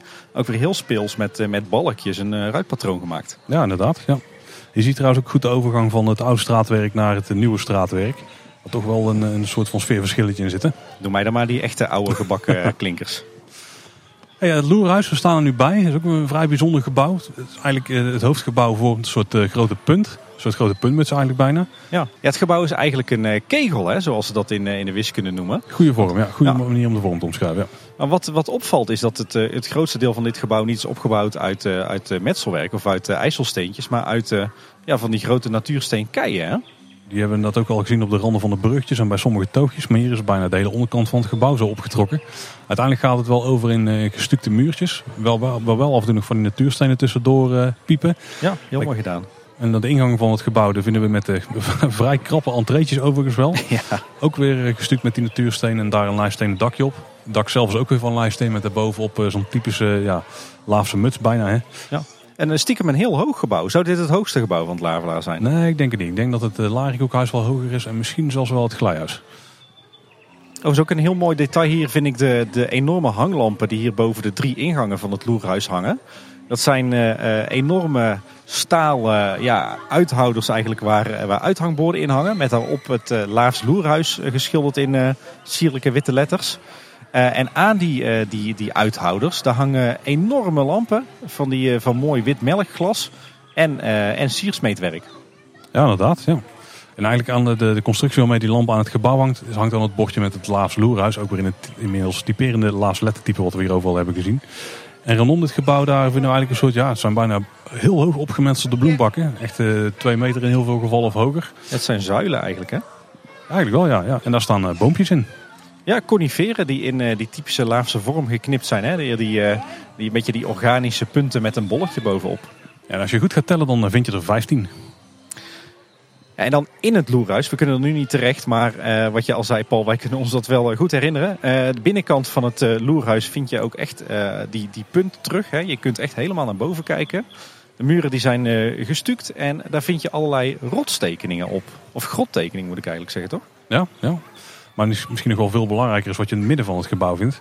En dat heeft wel heel veel weg van de put van vrouw Holle. Want dit is eigenlijk ook een, een verhaal in de put, hè, waar het verhaal van de lava wordt verteld. Ja, precies. Met uh, onderin een uh, diascherm waarop in totaal uh, negen dia's worden getoond. gedurende een vertelling van zes minuten door Wietke van Dort. En op dit moment dient het eigenlijk een beetje als voorshow voor de monorail. ja, inderdaad. Wel goed hoor, want dan heb je meteen dat verhaal te pakken. Ja. En een mooi verteld verhaal. Inderdaad, de Wieteke van. Ja, ga daar gewoon een keer uh, zes minuten lang het verhaal luisteren. En dan uh, ben je helemaal op de hoogte van hoe de lava hier zijn gekomen. Mocht je het nog niet weten en onze samenvatting uh, te beperkt hebben gevonden. Te kort op de bocht. Ja. Ik vind het trouwens een heel bijzonder gebouw. Het heeft een beetje de akoestiek van een, een kerkgebouw, lijkt het wel. Ja, klopt. Ja. Ja. Ja, Tim, dan komen we eigenlijk bij het laatste gebouw van het Lavelaar. Het Slakkenhuis. Je kan misschien wel raden wat daar gebeurt. Overigens, het gebouw is wel verbonden met het Leedhuis. Ja, inderdaad. Uh, eigenlijk is het uh, het trappenhuis van het, uh, het slakkenhuis dat de beide gebouwtjes aan elkaar verbindt. Hè? Ja. ja, en dit is een vrij plomp gebouw als je van de buitenkant kijkt. Met aan deze kant een, grote blinde muur, mag ik hem zo noemen, Tim. Ja, zeker. Met aan de linkerkant het torentje, daarin zit het trappenhuis. Daarmee loop je dus naar boven en dan kom je het stationnetje uit van het slakkenmonorail. Aan de rechterkant hebben we een soort vierkante ja, uitbouw. En aan de voorkant ziet het, er, het gebouwtje er iets in, interessanter uit. Met wat meer hout en daar kun je ook naar buiten kijken. Als je dan uit de slakkenmonorail komt, heb je ook een best mooi uitzichtpunt, Tim, over het Anton Pieckplein. Ja, inderdaad, dat klopt inderdaad. Prachtig, uh, prachtig zicht op het Anton Pieckplein. Wat, uh, wat leuk is om te weten is dat de eerste verdieping van het Slakkenhuis is het uh, opstapstation van de Slakkenmonorail. De begane grond is, is eigenlijk één groot dienstengebouw. waarin je onder meer techniek vindt van het, het hele lavelaar. Er zit een opslag in. er zit techniek in voor de Slakkenmonorail. een kantinetje, opslag. eigenlijk één groot ja, facilitair gebied voor het, het hele lavelaar. Overigens viel me op dat bijvoorbeeld bij het deel waar de wipoppen zitten, dat daar een bordje staat wat naar het station toewijst. En ook hier rondom het gebouw vind je op heel veel plekken een bordje dat wijst naar de ingang. Want blijkbaar hebben mensen moeite om die ingang te vinden. Ja, daar kan ik me ook wel iets bij voorstellen. Overigens goed om te weten is dat uh, de monorail in 1990 opende als fietsmonorail. En uh, de nogal buitenproportionele omvang van het slakkenhuis, die kan je dus verklaren door het feit uh, dat de monorail in de beginjaren nog werd aangedreven op fietskracht. waardoor er twee sporen naast elkaar lagen in het gebouw. Het huidige spoor dat diende als vertrekspoor. En retournerende bezoekers die kwamen via een grote lus om het slakkenhuis heen uh, aan de voorkant van het gebouw binnenrijden. Je stapte dan aan de Anton Pieckpleinkant van het gebouw uit, waarna de slakken via een keerlus weer het station binnenkwamen, klaar voor de nieuwe bezoekers. En dat uh, tweede uitstapspoor dat is weggehaald uh, in 1995 toen het, de monorail werd geëlektronificeerd. En vandaar dat je dus een grote hoeveelheid lege ruimte hebt in, de, aan de uitstapkant van het, het slakkenhuis op de eerste verdieping. Maar als je goed kijkt, dan vind je daar op de vloer nog sporen van de oude sporen van de monorail. Ja, want we lopen nu het lavelaar dus vooruit door de poort waar we ook naar binnen zijn gegaan. Dan kun je dat wel zien, hè? want dan heb je inderdaad links de grote opening waar nu uh, iedere paar seconden een uh, slakkenmonorail uitkomt. Die dus gewoon wordt voortborgen door elektriciteit. Maar als je aan de rechterkant kijkt, dan zie je daar een, ja, bijna net zo'n grote opening. Ligt iets verder naar achter. Dus ook iets verder dichtgewerkt inmiddels. Waarvoorheen de, de voertuigen naar binnen gingen. Ja, en de baan die werd dus in 1995 uh, geëlektrificeerd. Naar verluid vanwege opstoppingen omdat kinderen de slakken niet rondgetrapt kregen. Ik weet nog wel uit mijn eigen herinnering dat het inderdaad erg zwaar was. Maar er zijn ook andere bronnen die spreken over meerdere hartaanvallen bij bezoekers. Dus dat kan uh, mogelijk ook een uh, reden zijn waarom ze afscheid hebben genomen van de fietsmonorail. In het station vind je trouwens ook nog een laaf. Die doet de bediening van de slakkenmonorail. En die zit daar ook aan de hendels te trekken om iedereen weg te sturen. Ja, in 2004 werd, uh, werd die toegevoegd. In eerste instantie was dat een, een andere uitbeelding van Oermoeder Lot. Maar dat kan natuurlijk niet, want er is maar één Oermoeder Lot en die staat in uh, Lots kraamhuis. Dus vanaf 2007 is het uh, de huidige laaf die daar in de controlekamer staat. In 2002 werd er trouwens ook muziek toegevoegd aan het opstapstation. Naar de hand van René Merkelbach. Dus niet meer Peter van Ostade en Kees van Berkel die de andere muziek in het Lavelaar maakten. Um, en die wordt eigenlijk afgewisseld met het, het verhaal zoals je dat ook in het Loerhuis hoort. En ik weet nog dat in het beginjaar, in 2002, dat toen uh, hier nog uh, Ding Dong Dingeling klonk. Oké, okay, de classic. De classic uh, vanwege 50 jaar Efteling. En dan even wat slakken monorail statistieken. Er waren altijd 25 slakken. Lijken er nu twee minder te zijn. Misschien ook om de opstoppingen een beetje te voorkomen. Want hier is de balans altijd. Hoeveel mensen krijg je tegelijkertijd op het circuit. En zorg je dat er aan het eind van het circuit niet zo'n lange wachtrij is. Nee. Het parcours is overigens 450 meter lang.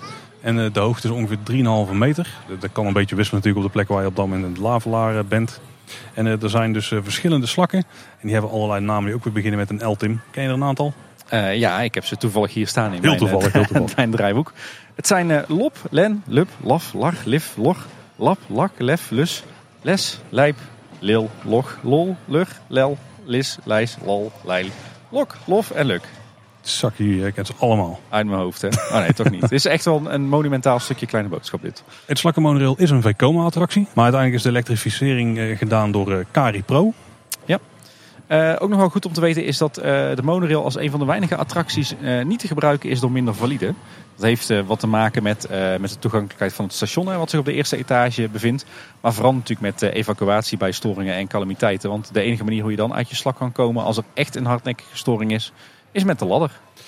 En op een paar plekken dan door kruisje huisjes. Zo gaat de slakkenmonorail onder andere door het Lonkhuis, het Leunhuis, het Lavelhuis. En die laatste is dan ook de plek waar je Lorreloet kunt zien. En uh, verder kronkelt hij zich uh, door het Lavelaar heen. En Tom van der Ven was niet echt fan van deze attractie. Dit was echt iets wat was opgelegd door de, door de directie. Want er moest gewoon iets in zitten van een attractie. Ja, het was een moedje. En dat kan je ook merken. Want Tom van der Ven heeft er echt geen moeite in gestoken. Hij heeft het meer genegeerd dan dat hij het heeft geprobeerd te verwerken in het Lavelaar.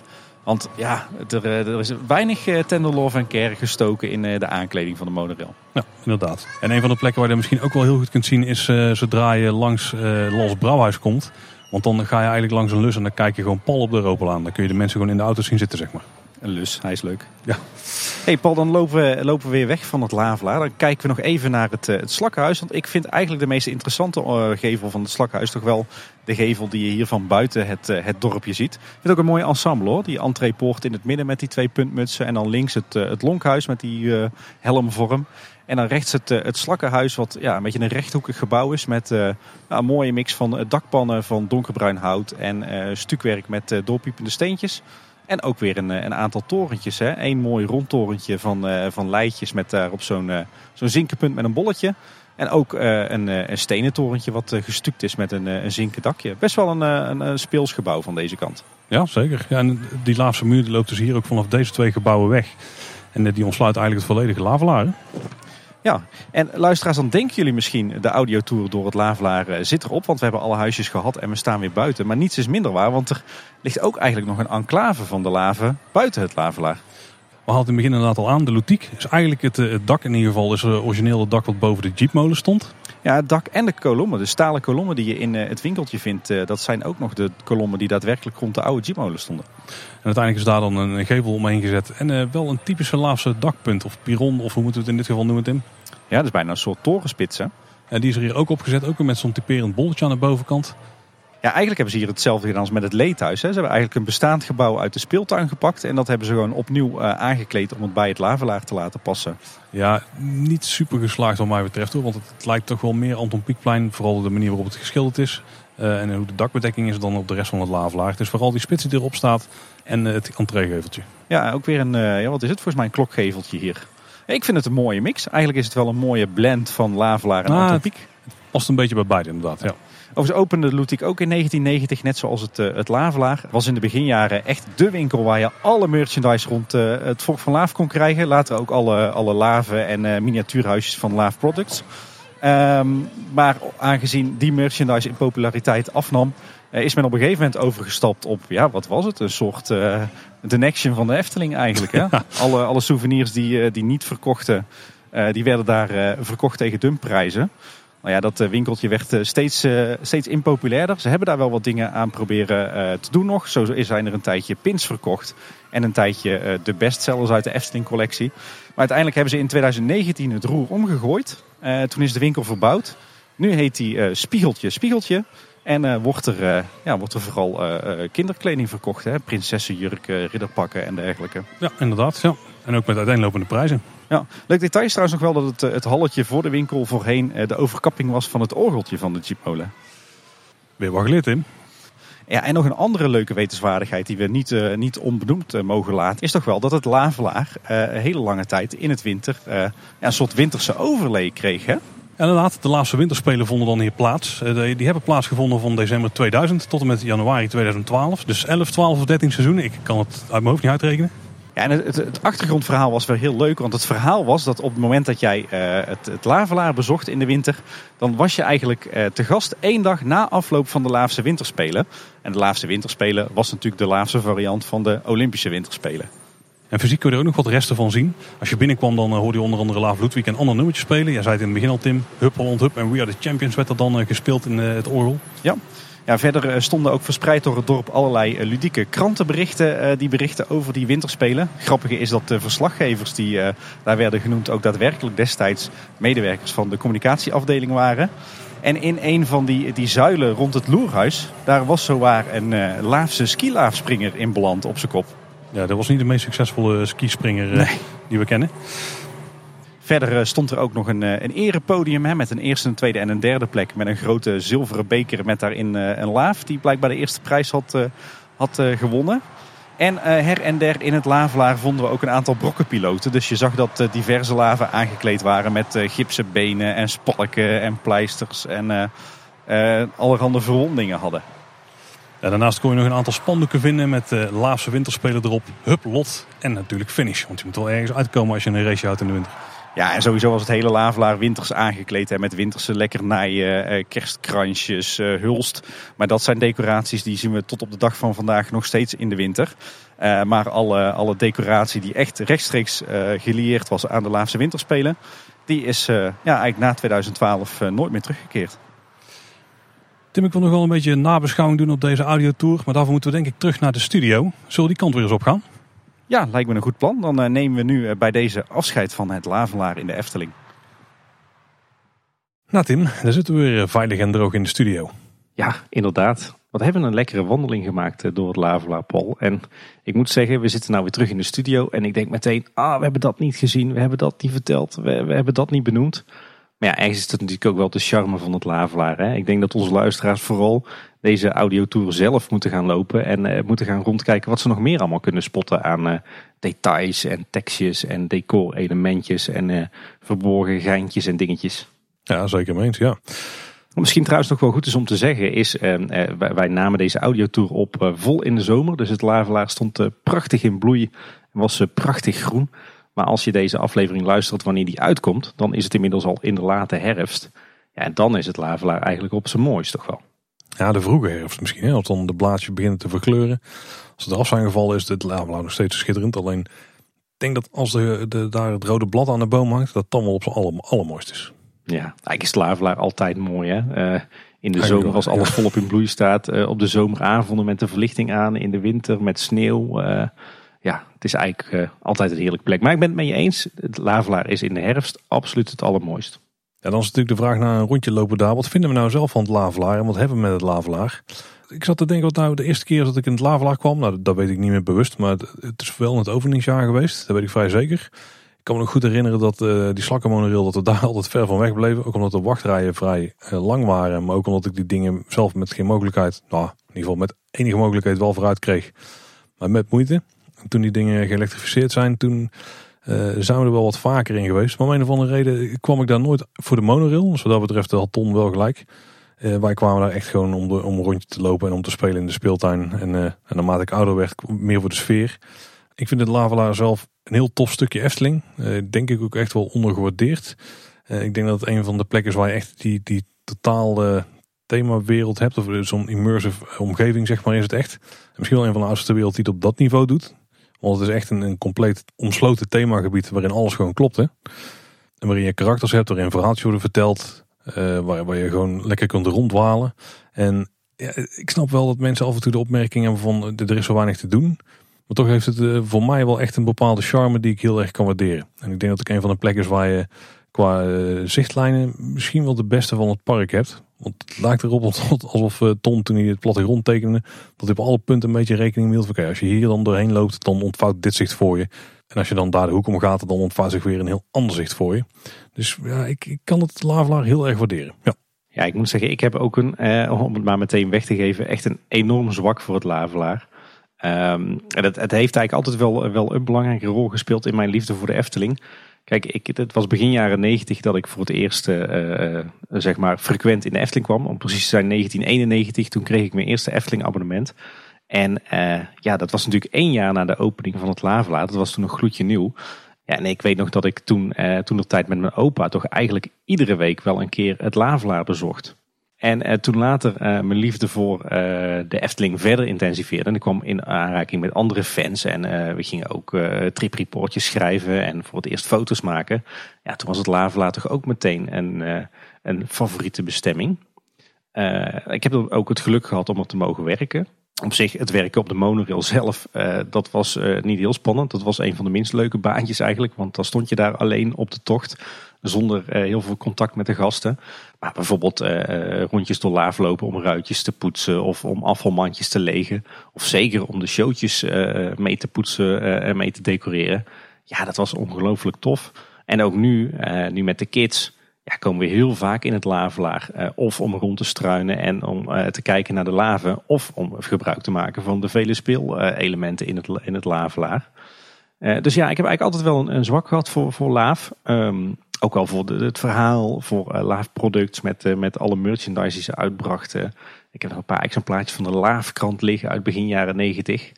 En ja, wat spreekt mij dan zo aan? Ja, ik denk wat jij ook al zei, Paul. Het is gewoon echt één kloppende themawereld. Hè. Het is echt helemaal immersive. Het klopt helemaal. Het verhaal, uh, de karakters die allemaal prachtig gekleed zijn en prachtig bewegen. De huisjes, wat natuurlijk een hele bijzondere, unieke architectuur is. Hè. De, de organische vormen van ton maar dan wel kloppend bouwkundig uitgewerkt door uh, ja, toch wel vooral Jan Verhoeven. In hout en riet en uh, bakstenen en stukwerk en zink en lood. Aan de ene kant super organisch, maar aan de andere kant echt ook heel erg authentiek en, en robuust en ambachtelijk. het prachtige groen, dat lavelaak wat echt door het hele lavelaar heen kronkelt. De aandacht voor de details, hè, zelfs de, de, de, de, de straatkolken die zijn afgewerkt met, met speciale steentjes. Uh, de, de, muziek die erbij past, het, de, de lampjes. Het, klopt gewoon allemaal. Het is gewoon één kloppende uh, wereld. En ja, als je daarin ronddwaalt, want dat moet je eigenlijk doen. Hè? Je moet een beetje rondstruinen. Dan is er overal wel weer iets bijzonders te zien. Overal weer een detail wat je nog niet kende. En uh, nergens zie je eigenlijk die, die buitenwereld. Hè? Dus um, waar de bedoeling was van Ton om eigenlijk een soort tweede sprookjesbos te ontwerpen. Is dit misschien nog wel veel beter geslaagd dan het sprookjesbos. Want het sprookjesbos is Vooral een opeenvolging van uh, losse verhaaltjes, losse sprookjes. Maar het Lavelaar is gewoon één afgesloten, kloppend geheel. En dat, dat vind ik zo ontzettend goed aan het Lavelaar. Dat het gewoon echt ja, een, een wereld is waarin je kan rondwalen en altijd weer nieuwe dingen ziet. En wat gewoon echt van hoog niveau is en, en echt klopt. Wel een paar kanttekeningen. Ik denk dat het misschien ook wel een nadeel is voor het Lavelaar dat het zo'n afgesloten wereld is. Daardoor is het denk ik uh, toch in de loop der jaren wel minder populair geworden. En ik moet zeggen dat ik ook lang niet alle stukjes monorail nou heel erg fraai vind. Hè. Denk aan, aan, aan de, de, de wachtruimte binnen, denk aan het station, maar ook aan verschillende plekken die je kunt zien. Dat vind ik minder mooi, maar over het algemeen genomen heb ik wel echt een enorm zwak voor het lavelaar en het, het vakmanschap van alle mensen die eraan gewerkt hebben. Het is echt wel een hele, ja, echt een bijzondere leefwereld eigenlijk. Ja, ik denk dat een van de nadelen naast degene die jij net noemt, want daar heb je zeker gelijk in. Maar dat een van de nadelen is dat je er niet echt goed heen geleid wordt in de rest van het park. De ligging is een beetje ongunstig wat dat betreft. En daardoor komen er ook gewoon weinig mensen. En, het, dat kleeft ook denk ik bij de liefhebbers altijd toch zo'n zo'n randje van ja, mislukking aan of zo. Omdat dan zo'n uh, Lurk en Limoenhuis bijvoorbeeld gesloten is. Terwijl dat natuurlijk een heel tof element was binnen de Efteling. En daar is denk ik ook weer echt de ligging uh, het geweest die het het om heeft gedaan. En ik snap, ik snap ergens ook wel de kritiek van, van veel mensen, hè, van, van de, de gewone dagjesgasten en ook van sommige fans, dat het tussen aanhalingstekens wat saai kan zijn. Kijk, het heeft natuurlijk weinig attractiviteit. Maar ik denk juist dat, dat de kracht van het Lavelaar ergens ook die saaiheid is. Hè. Er, er gebeurt in zekere zin ook niks, maar daardoor is het juist die, die prikkelarme plekken waar je gewoon even tot rust kan komen. Even rustig rond kan lopen, rustig rond kunt kijken. Het is echt gewoon een hele enclave van, van, van rust en, en van, van positieve gevoelens in die ja, toch wel drukke en bij vlagen schreeuwerige Efteling. Dus in die zin is het ook wel lekker dat er een walkthrough is in het park. Waar je gewoon een beetje rond kan wandelen en tot rust kunt komen. Ja, nou, het feit dat het er is, daar ben ik heel blij mee. Alleen er zou toch een reden moeten zijn voor meer mensen om erheen te moeten gaan. Of heen te, heen te gaan überhaupt. Ze moeten niks, maar... Nou ja, ik denk, ik denk dat het in zekere zin wel een niche attractie is. Hè. Kijk, als je gewoon naar de Efteling komt als dagjesbezoeker en eh, je wil gewoon eh, vette attracties doen, ja, dan staat Lavelaar niet hoog op je lijstje. Maar als jij inderdaad eh, het Lavelaar kent eh, eh, en je vindt het mooi om wat het is, of je vindt het fijn omdat de kinderen er kunnen spelen, of omdat je er even tot rust kunt komen, ja, dan ga je er naartoe. Maar dit is niet een mainstream attractie in de Efteling, nee. Ook trouwens, daar hebben, we het, daar hebben we het eigenlijk nog, niet over gehad. Maar ja, goed, we hebben het er net kort even over gehad. Maar wat ik ook zo bijzonder vind aan, aan het Lavelaar is dat het ieder seizoen weer echt anders is. Hè? Het, het, het, het karakter van het dorp verandert echt enorm met de seizoenen. Komt denk ik ook omdat het groen zo'n enorm belangrijke uh, rol speelt in het Lavelaar. Ja, zeker. Ja. En dan, is denk ik een belangrijke vraag hoe wij de toekomst van het Lavelaar zien. wij zien uh, beide graag het uh, Lavelaar voortbestaan, maar er gaan ook vaak stemmen op van ruim waarop zet er iets anders interessants neer. Is, het, is er een toekomst voor het Lavelaar in de huidige staat, zoals het nu erbij staat? Of moet er iets gebeuren? Dan moet er een nieuwe impuls komen om het te kunnen laten voortbestaan. Ja, ik, ik moet zeggen, ik, uh, ik ga weer een uh, klassieker ingooien voor kleine Ik voel hem aankomen. Ja, ik hing daarin uh, op twee gedachten. Uh, ik, ik denk dat het Lavelaar sowieso behouden moet blijven. Kijk, je, je, je moet je park niet volbouwen met, met, met, met achtbanen en kermisattracties. Want juist zo'n attractie tussen aanhalingstekens als het Lavelaar, zo'n plek... Ja, dat maakt jou als Efteling uniek ten opzichte van andere parken. Dus ik denk dat het Lavelaar altijd moet blijven bestaan... En, en wat ik vooral hoop is dat, dat het Lavelaar behouden blijft zoals het nu is, uh, ten minste. Ehm, maar ik moet zeggen, ik vind dat de Efteling uh, het Lavelaar ontzettend goed uh, onderhoudt eigenlijk. Gedurende de 30 jaar levensduur zijn er toch al heel wat onderhoudsbeurten geweest. En ik heb niet het gevoel dat het ooit verloederd is. Dus, dus dat vind ik al goed.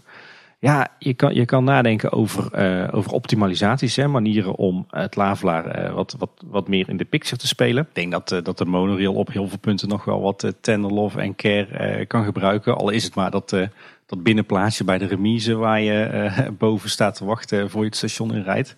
maar, maar ook bijvoorbeeld de, de binnenwachttreinstation. Maar goed, ik denk met name op het gebied van aantrekkelijkheid. Ja, waar kan je aan denken? Je kan de laafmuur nog op een heel aantal plekken verlagen je zou de Loutiek, eh, of wat nu hè, Spiegeltje Spiegeltje heet, eh, daar zou je een soort nieuw Lurk- en Limoenhuis van eh, kunnen maken. Ik denk dat een, een bruin café op die plek veel meer kans van slagen heeft. zo vlakbij het Witte Paard en het Antropiekplein. maar je kan er natuurlijk ook voor kiezen om bijvoorbeeld eens wat laven buiten de laafmuur neer te zetten. Hè? Of misschien moet je wel als een soort tijdelijke guerrilla-actie een gat graven op het Antropiekplein en daar wat ladders in zetten en wat, wat, wat laafbeelden of zo. Nou ja, noem maar een dwarsstraat. Ik denk dat er nog best wel wat, uh, wat manieren zijn om uh, Laaf net wat meer in de picture te spelen. Als je dat zou willen. Ja, en wat natuurlijk ook nog een, uh, wat mij betreft een, een heel tof plan zou kunnen zijn. Is om toch zeg maar in die hoek tussen het Antropiekplein en het, het. De oude locatie van het, van het kinderspoor van de traptreintjes. om daar eh, ja, toch een attractie te bouwen rond Laaf. Ja, en ik zou het dan zelf heel tof vinden om daar een soort mini dark ride te bouwen. Waarin je eigenlijk het, het verhaal van de laven ehm, ja, mee kan maken. Hè? Dat je dus met een, een, een voertuig à de fantasievader van, van Symbolica, maar dan wat kleiner en wat simpeler door een aantal simpele scènes rijdt. Waarin je dus de laven op de tropische Noordpool ziet. de ijstijd die invalt. het, het grote lood van Vaderlaaf. de tocht door het binnenste van de aarde. De oliezeeën. De, de dino's. de vulkanen. En uiteindelijk de ontdekking van de Efteling. En het, het graven van het gat naar boven. Ja, dat verhaal, dat zou ik best in een mini dark ride, die zich vooral dan richt op kinderen, uitgebeeld willen zien. Kijk, en die dark ride is dan misschien wel de trekker van veel volk. En eh, dan kan het Lavelaar zelf gaan fungeren als een soort van ja, voorshow of wachtgebied voor die attractie. Waarmee je eigenlijk van het Lavelaar dan ook weer een klein themagebiedje maakt. Zoals ze nu natuurlijk ook doen met, met een Max en Moritz en een wereld van Simbad. En straks ook met, uh, met het, uh, het gebied rond de Grand Circus Balancé. In feite zou het, het Lavelaar dan ook een zo'n mini themagebiedje worden met meerdere attracties. Dus dat zou wat mij betreft een, een uiteindelijke ultieme oplossing zijn om meer mensen naar, naar Laaf te trekken. Maar ik zou er ook niks op tegen hebben als het gewoon blijft zoals het nu is en gewoon goed onderhouden wordt. Ik denk dat het nadeel van het Lavelaar op dit moment een beetje de, toch echt wel de ligging is. Ook als je er een attractie bij wil plaatsen namelijk, want het lijkt op zich logisch om die dan aan de rand te plaatsen. Maar dan heb je misschien nog steeds geen enkele reden om door het Lavelaar zelf heen te lopen. Dus ik ben dan heel benieuwd hoe ze dat dan, of, of dat een attractie ernaast zetten in hetzelfde thema. Daarmee de aantrekkingskracht van het complete gebied ook omhoog tilt. Dat zal een beetje gebeuren, maar misschien niet naar het niveau eh, wat nog steeds verantwoord houdt om uh, het hele gebied daar uh, tot het einde der tijden te onderhouden. Dan moet je er natuurlijk voor zorgen dat je die attractie alleen kan bereiken via het Lavelaar. En dan maak je die, zeg maar de, de wand aan de kant van het nieuwe Anton Pieckplein. Daar maak je gewoon een blinde wand van. Waar je dan meteen uh, nog een, een toiletgroep en een, en een ander horecapuntje in kan bouwen voor het, het Antropiekplein. Ja, maar dan gaat natuurlijk wel vrij veel van de charme van het lava eraan. Want dan moet je ook bredere paden hebben om al het volk en zo doorheen te kunnen leiden. Ik denk dat het uiteindelijk ideaal was geweest, maar dat kan dan dus niet meer. Is als je nog de Ropelaan had gehad als plek om daar die attractie neer te zetten. Dat je ook door de hoofdpoort gewoon bijna recht vooruit kunt doorsteken. Ja. De padenstructuur daar is vrij breed.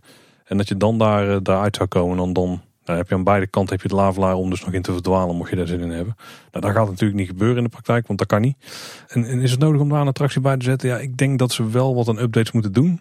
Uh, een attractie zou kunnen. Uh, hoeveel footprint je daarvoor nodig hebt, dat is nog even de vraag. Ze zouden bijvoorbeeld ook nieuwe lavahuisjes kunnen maken. We hebben het Lurk en Limoenhuis, daar zou je ook nog steeds iets, mee, uh, iets nieuws mee kunnen doen. Maar ja, ja, zeker. Is een nieuw lavahuisje, is dat voldoende aantrekkingskracht? Dan trek je ook vooral de liefhebbers, denk ik, die daar komen kijken. is toch wel minder impact denk ik dan een nieuw sprookje. Uh, en je hebt dan eventueel nog die, die gekke wokkel, uh, slakkenhuis uh, omhoog loop. hoe moeten we noemen? Uitkijkpunt vlakbij, ja. vlakbij Los Brouwhuis.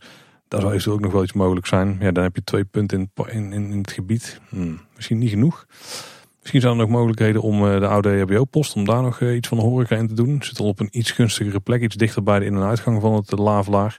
En uiteindelijk zou natuurlijk een attractie zeker een optie zijn. In de hoop dat dat dan de hele aantrekkingskracht van het gebied omhoog wordt getrokken. Ik denk dat ik zelf wel eerder voor een, uh, een origineel verhaal uh, zou willen gaan. En niet een, een, herhaling van eigenlijk wat we al zien in het loerhuis. Ja, daar zit wat in. Dat kunnen we dan daar mooi laten. En dan misschien een avontuur wat we mee met de laven beleven. Maar dan wel met de klassieke laven. Niet wat ze daar met de lummels hebben proberen neer te zetten.